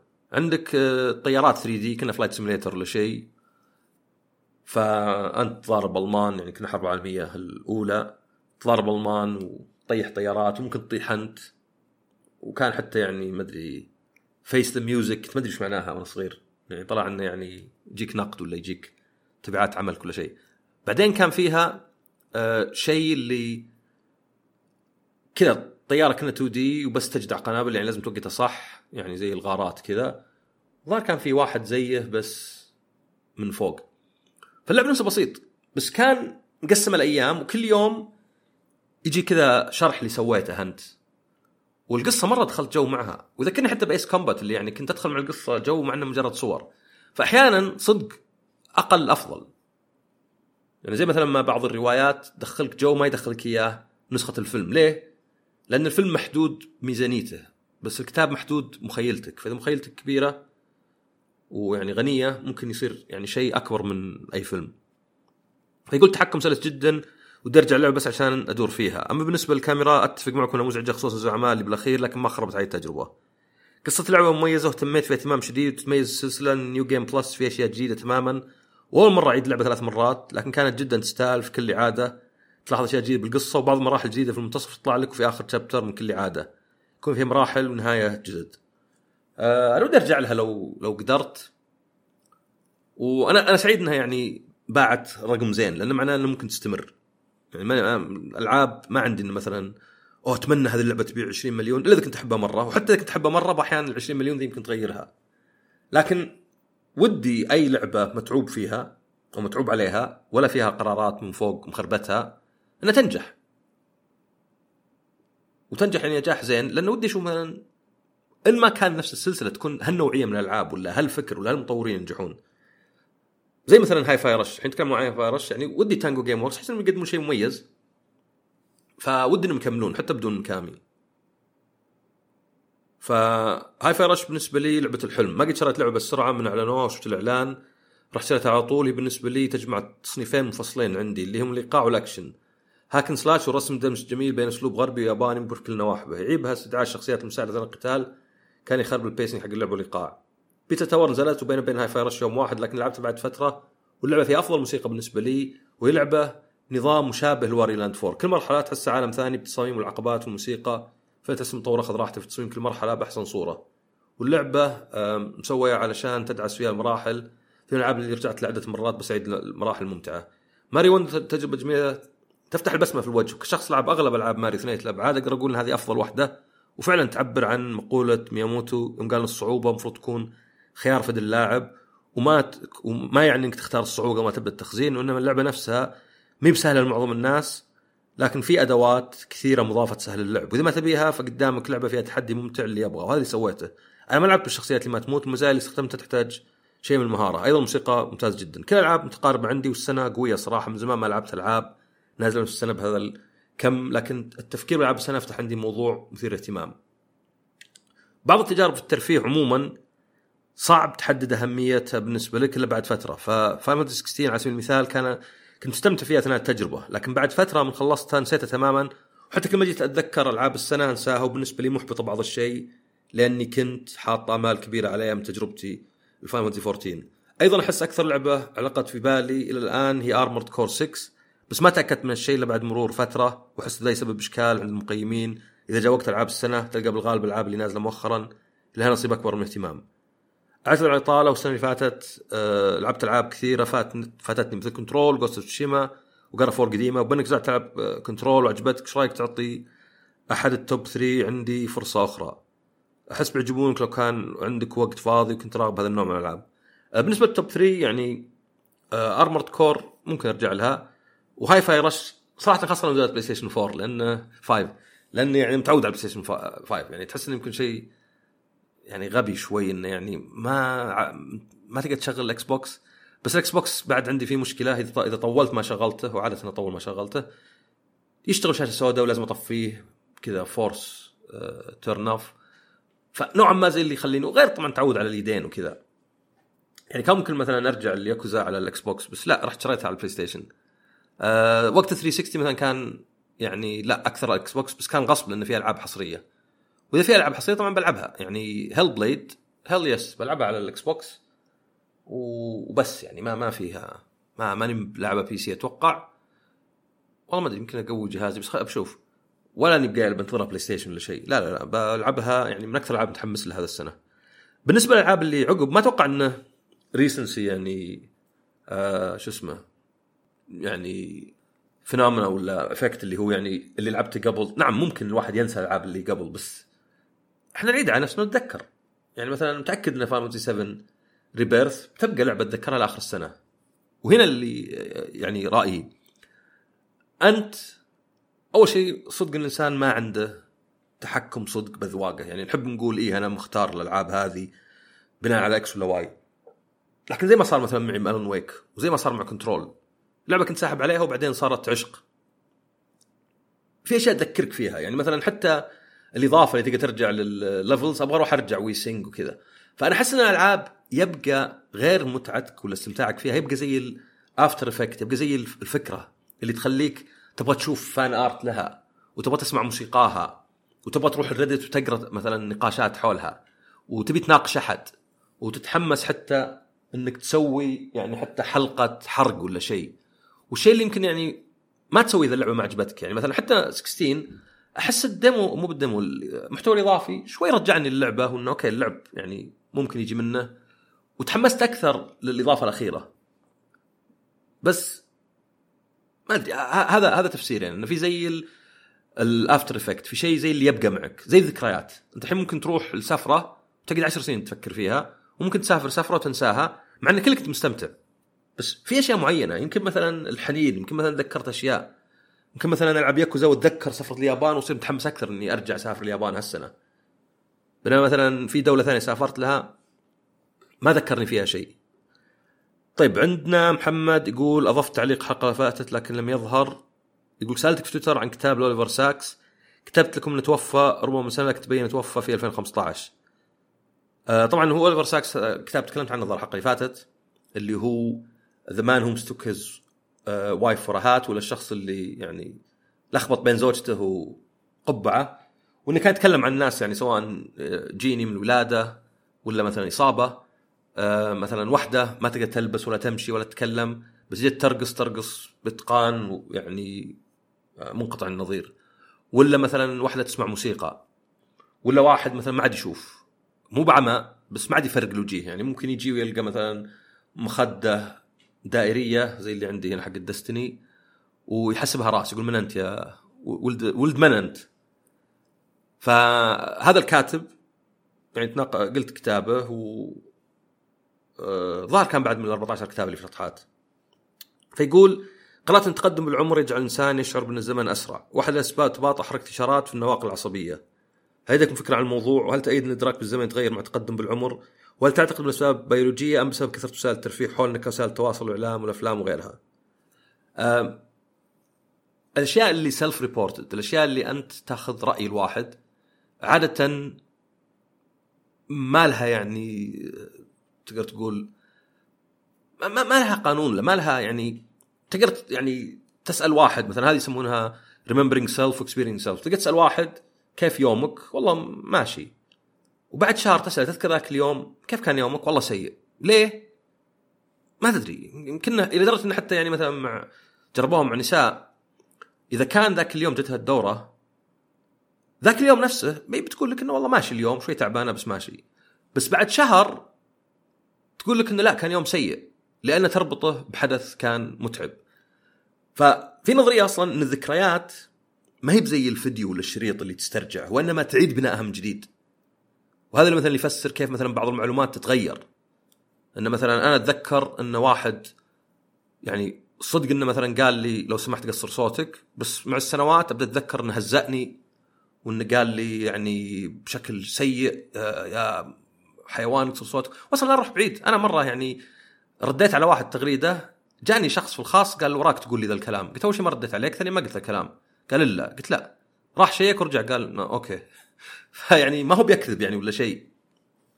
كثير من الأحيان ما إحنا بحنا عندنا أشرطة في المخ نحفظ الأشياء زي ما هو. لا نحط روابط نحط أشياء وهذا دليل تقدر تشوفه مثلا كيف إن الواحد إذا سألته عن مثلا اسم تقول من هو ذاك اللي جاكم في الدوام ذاك اليوم؟ يقول والله ما أذكر. تقول هو محمد؟ لا لا لا. هو اسمه خالد؟ لا لا لا. يعني متأكد من اللي مو هو بس مو. ما يعرف حتى الصح نفسه. يعني أنا متأكد إنه مثلا مو فلان ولا فلان ولا فلان لأني كأني أسوي عملية كأني مثلا تجربة كذا كأني أغطف موية وأشوف اللون يتغير ولا لا. وفي نفس الوقت واحد واحد يقول يعني أنا على الأقل تصير لي طبعا أحيانا ما تطلع صح بس مثلا أقول الكلمة فيها أم أكثر من مرة وكنا تنتهي وتبدأ بكي. ليه؟ لأن ماني أنا أحفظ الكلمة زي ما هي أنا أحفظ زي ال- الأجزاء من الكلمة يعني الحرف الأول زي كذا. وهذا اللي حصل مثلا مع المعلومات. مثلا تلقاك مثلا تقول هذه الكلمة أعرفها بالإنجليزي بس أعرفها بشكل بسيط فأعرف إنها صفة وصفة شوي سلبية وتستخدم أكثر في الكتب الطبية بس ما أدري وش هي. فما أنت بتتعلمها مرة واحدة. فالزمن نفس الشيء. الزمن في نظريات مثلا. واحدة منها إنه طبعا مع التقدم بالعمر كل يوم ولا سنة ولا أي وحدة ثابتة هي نسبة أقل من عمرك. يعني واحد عمره سنة سنة واحدة اندبل عمره واحد عمره 40 سنة واحدة زاد عمره 2.5% فلا بد إن هذا يعني يأثر في. في طريقة البرسبشن ولا انه كيف نشوفها. شيء ثاني بعد هو إن أنت مع العمر نوعا ما يبطئ الت- التغييرات في حياتك. يعني بزر عمره كم شهر بعد كم شهر بيتكلم ويمشي. بعدها بسنتين ثلاث يبدأ مثلا ما عاد مثلا يسوي أشياء طفولية مثلا آه، مرة مثلا يبدأ يصير يعني ها عمره أربع خمس ما يطلع مفصخ ولا ما يحط الأكل في شعره ولا شيء. بعد يدخل مدرسة. أو الحين صار مسؤولية بس في البداية يمكن لا. يدخل متوسطة اتذكر يوم دخلت متوسطة عندي انه لا الحين صار عندي استقلالية. يتخرج من الثانوي يختار في الثانوي مثلا علمي ولا أدبي ما أدري إذا الحين للحين موجود ولا لا. آه يدخل جامعة الآن اخترت تخصصك وتدرس ويمكن في شوي يعني ثقة أكثر في الجامعة ولو إنه لا زال في تحضير. بعدين مثلا تشتغل الآن أقدر يعني أنا الآن أشتغل. بعض الناس عندهم يمكن زي الإجازة مقارنة بالدراسة وغثاها وأقدر أشتري سيارة. بعدين الان تزوجت أنا أوه هذه الخطوة الأخيرة في حياتي. يعني كونت نفسي علميا بديت أكون نفسي ماديا والآن عائليا. بس عقبه وش التغيير اللي بيصير؟ يعني واحد عمره خلينا نقول 35 ومتزوج ويشتغل وما أدري بادي يعمر ولا على الأقل مستاجر بيت زي كذا. طيب هذه 35 سنة سويت ذا كله. وش بيصير ال 35 سنة الجاية؟ أو خلينا نقول 25 للتقاعد. مو بصاير فرق كبير يعني. خاصة إذا هو ما سوى فرق. إذا راح والله بعثة ماجستير إذا صار شيء أوكي. بس غالبا إنه مو بصاير فرق صدق يعني. يعني عياله بيكبرون بس هذا عياله مو بهو. وظيفته يمكن يبقى فيها نفسها وإن غيرها بيغيرها في مجال مشابه. آه، زواجه هو نفسه. حتى الأصدقاء يمكن يعني يق- يقل أصدقاء الجدد. إنه خلاص يعني واحد اعرفه من 10 سنين. 15 سنة ماني مبدله ويمكن حتى ما عاد لي جلد إني أتعرف على ناس أتعرف على ناس واجد. فهذا قد يكون مثال يعني إنه يعني ما عاد في التغيرات الكبيرة في حياتك وقد يكون فقط إنه يعني برسبشن يعني. إحنا شلون نحس؟ مثلا تحس إنك إذا كنت فيك نوم إن الوقت بطيء مرة مثلا إذا كنت تبغى تروح البيت مثلا. ولا أقعد شوي. ولا مثلا إذا كنت في الدوام ولا في المحاضرة. بينما مثلا إذا كنت والله مسافر اليابان أول يوم زي أنا سافرت أنا وأخوي من زمان أسبوعين لمح البصر لولا إنه يعني لازم نرجع كان ودنا نقعد. بينما الحين مثلا ممكن أروح اليابان وأحس اليوم لا عادي يعني. ما له دخل بالوقت نفسه له دخل بإنه انبهاري هو أقل يعني. لأن ما أدري ماني بطبيب أعصاب لكن النواقل العصبيه تصير بطيئة بشكل كبير يعني المفروض يأثر على كل حياتك يعني يؤثر على مشيك. فممكن شخص عنده صعوبة في المشي وفي الكلام يكون عنده بعد اختلاف بالوقت بس ما أتوقع يعني اختلاف ما ينبان في ذولي بس ينبان في إحساس الوقت. يقول هل جربت Final Fantasy World of Final Fantasy أنا شريتها كنت ودي ألعبها في الكورونا وقت الكورونا بس ما جاء دورها. هي كنا بوكيمون على Final Fantasy يعني موجوده عندي بس لا والله ما ما جربتها يعني غير كذا أول عشر دقائق ولا شيء. يقول آه، أنا مبرمج جربت أنظمة الذكاء الصناعي كانت ممتازة ببناء بعض الأكواد بسرعة وكفاءة. أنا فاشل بالتصميم لذا ساعدتني تلك الأنظمة. ببناء تصاميم ممتازة وبسرعة. هل جربتم تلك الانظمه وما رأيكم بها؟ خصوصا جروك اللي هو حق تويتر لأنه مدفوع على مستوى تجربته. وما رأيكم بالأمور الأخلاقية حول التدريب مثل هذه الأنظمة؟ أقصد مثلا رسم فان جوخ مميز بأسلوبه لعدة عوامل كان يرسم اصابعه هل إنشاء رسمات باسلوبه باسلوب فنانين آخرين أحياء بمشاكل أخلاقية برأيكم؟ أم إن الأمر بمشاكل كونه جديد كبداية ظهور ألعاب الشوتر مثلا حين كانت تسمى دوم كلونز؟ وشكرا لجودكم وسينارياتكم آه أنا برأيي متواضع يعني مع إن عندي حلقة مع آه، جهاد يعني واحد آه، خبير بالذكاء الاصطناعي وتعلم الآلة. أنا عندي إنه يعني طبعا لأنه شيء جديد بيكون عليه ضجة وضجة باحيان يعني الحين يقول لك 190 مليار خسارة الشركات في هبة الذكاء الاصطناعي لأن كل اللي بيدخل في الذكاء الاصطناعي في حتى خبر نسيت أذكره تبت يعني عزيز قوم ذل يعني عقب ما ترك سكوير سوى لعبة عن ذوي الإعاقة والألعاب الأولمبية يعني كانت فكرة بس كانت جاتشا أكثر وكذا. والآن لعبة ما أدري اسمها شاء الله كأنها إن شاء الله بس حسبون إن معناها إن بالإنجليزي. فشالوها وما أدري دخل بالف ليلة وليلة مع ان هذيك يعني رواية فارسية شهرزاد شهريار وما أدري ار بي جي للبالغين ما أدري شو المقصود هنا. ومع شركة عندها ذكاء اصطناعي تعمل ذكاء اصطناعي وعلى الكمبيوتر الكمي اللي ما أدري دخل أمه. في الألعاب. فأحس إنه حشو مصطلحات عشان المستثمرين والمواقع يعني. لكن ما أدري رهان إسلامي بعد الريان مو فيه إنه أتوقع تطلع فشل ذريع. وللأسف يعني يعني ثبت حتى لو في ناس كانوا ما يحبونه علشان ألعاب البي اس بي لكن كان عندي كرايسس كور وحتى 15 يعني سوى شيء زين. فمؤسف إنه يعني حدت الظروف كذا. فالذكاء الاصطناعي بالنسبة لي مسألة إنك تدربه أتوقع هذه تنحل انه يعني خلاص يدفعون لهم فلوس ولا شيء. لأنه يعني لابد يعني معظم الأشياء عليها copyright أو جزء كبير منها. فإذا بتمنع إن الذكاء الاصطناعي يتدرب على هالأمور فأنت ببساطة يعني قتلت الذكاء الاصطناعي والتعلم الآلة. لكن هل يستحقون؟ طبعا في شركات رافعة قضيات قضايا وفنانين رافعين قضايا. هل يستحقون لا؟ لا برايي يستحقون يعني ما هي public domain لكن هذه المفروض ما تكون معضلة. المشكلة عندي أنا إن استخدام الذكاء الاصطناعي الحين صاير بدون رقابة. يعني أنا أجي يعني فيه ام كي بي اتش دي في مقال عنه إنه جرب Apple Vision فمكتوب إنه جرب Apple Vision وزاد وزنه. شيء واضح انه حتى هو حط اقتبسه وقال هذا واضح إن الذكاء الاصطناعي كاتبه إنه شيء غير منطقي. إيش دخل الوزن؟ ما ما في أي شيء يعني ولا هو بشيء ينكت ولا شيء. فهنا المشكلة الناس اللي يستخدمون الذكاء الاصطناعي ولا يدققون عقب. يعني يفترض إن الكاتب يساعد الذكاء الاصطناعي في إنه يكتب أحسن والمبرمج يساعده إنه يبرمج أحسن والفنان يساعده إنه يسوي رسمات أحسن لأنه يقدر يكتب prompt زين ويقدر يشيك. اللي صاير لا إن الناس مو ذوي اختصاص يجي واحد يقول أنا ما أحتاج مبرمج أنا ما أحتاج آه، رسام أنا أبي أكتب كذا عطني ما أدري Kratos على Leon Kennedy ويطلع لي شيء.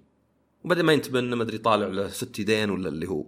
فهذه مشكلة مصيبة عندي أنا. فعادي أنت مثلا تأخذ لك تقول له مثلا اكتب لي API يسوي X ولا Y وتأخذه وتدخله في برنامج تسوي له plugin وتجربه وتشوفه زين ولا لا. وإذا مو بزين يمكن أنت تعدله ولا تسوي refine لل prompt مو بهذا اللي صاير. صاير إنه هبة ومصطلحات وسووا شغل وفي ناس حتى صور لهم كذا body paint يلا ارسمني body paint بعدين ما ينتبه أو ما تنتبه إنه في ست اصابع مثلا. وغيرها من الأشياء الغريبة يعني. يلا بنسوي شيء احتفاء بالعاب ال indies. يلا صلح لي كذا هذه حقه التزلج مو بتزلج يعني skating لا sled كذا. وما انتبه إنه والله واحد ماسك حبل كذا معلق في الهواء ولا شيء. هذه المشكلة عندي أنا. فبالعكس أنا ودي الذكاء الاصطناعي يستخدم عشان تحديث الألعاب القديمة. مثلا حوارات ديناميكية مو بتسوي لي كم حوار زي The Finals وبعدين تحطها في اللعبة. لا أبغاها في اللعبة تكون ديناميكية. أبغاها في اللعبة.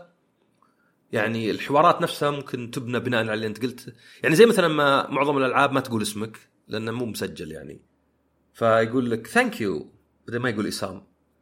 let's see you مدري ولا شيء. لا ودي إنه مثلا أي شيء متغير في اللعبة يقدر يقولها يقدر مثلا يقول أوه أنت ذبحت 512 واحد من ذولا. وما انت بتحب كذا يعني أشياء ديناميكية ما هي مسجلة جاهزة ماخذة مكان. فهذا اللي أتمناه أنا يعني في آه، ذكاء اصطناعي يعني. وطبعا زي ما هو الفنان حتى لو تعلم وغالبا يتعلمون بنسخ فنانين آخرين بالأخير إذا ما شق طريقه وكان له اسلوبه غالبا مو ناجح. فهذا اللي ودي أشوفه. وبس هذه الحلقة يعطيكم العافية نشوفكم الحلقة الجاية ومع السلامة.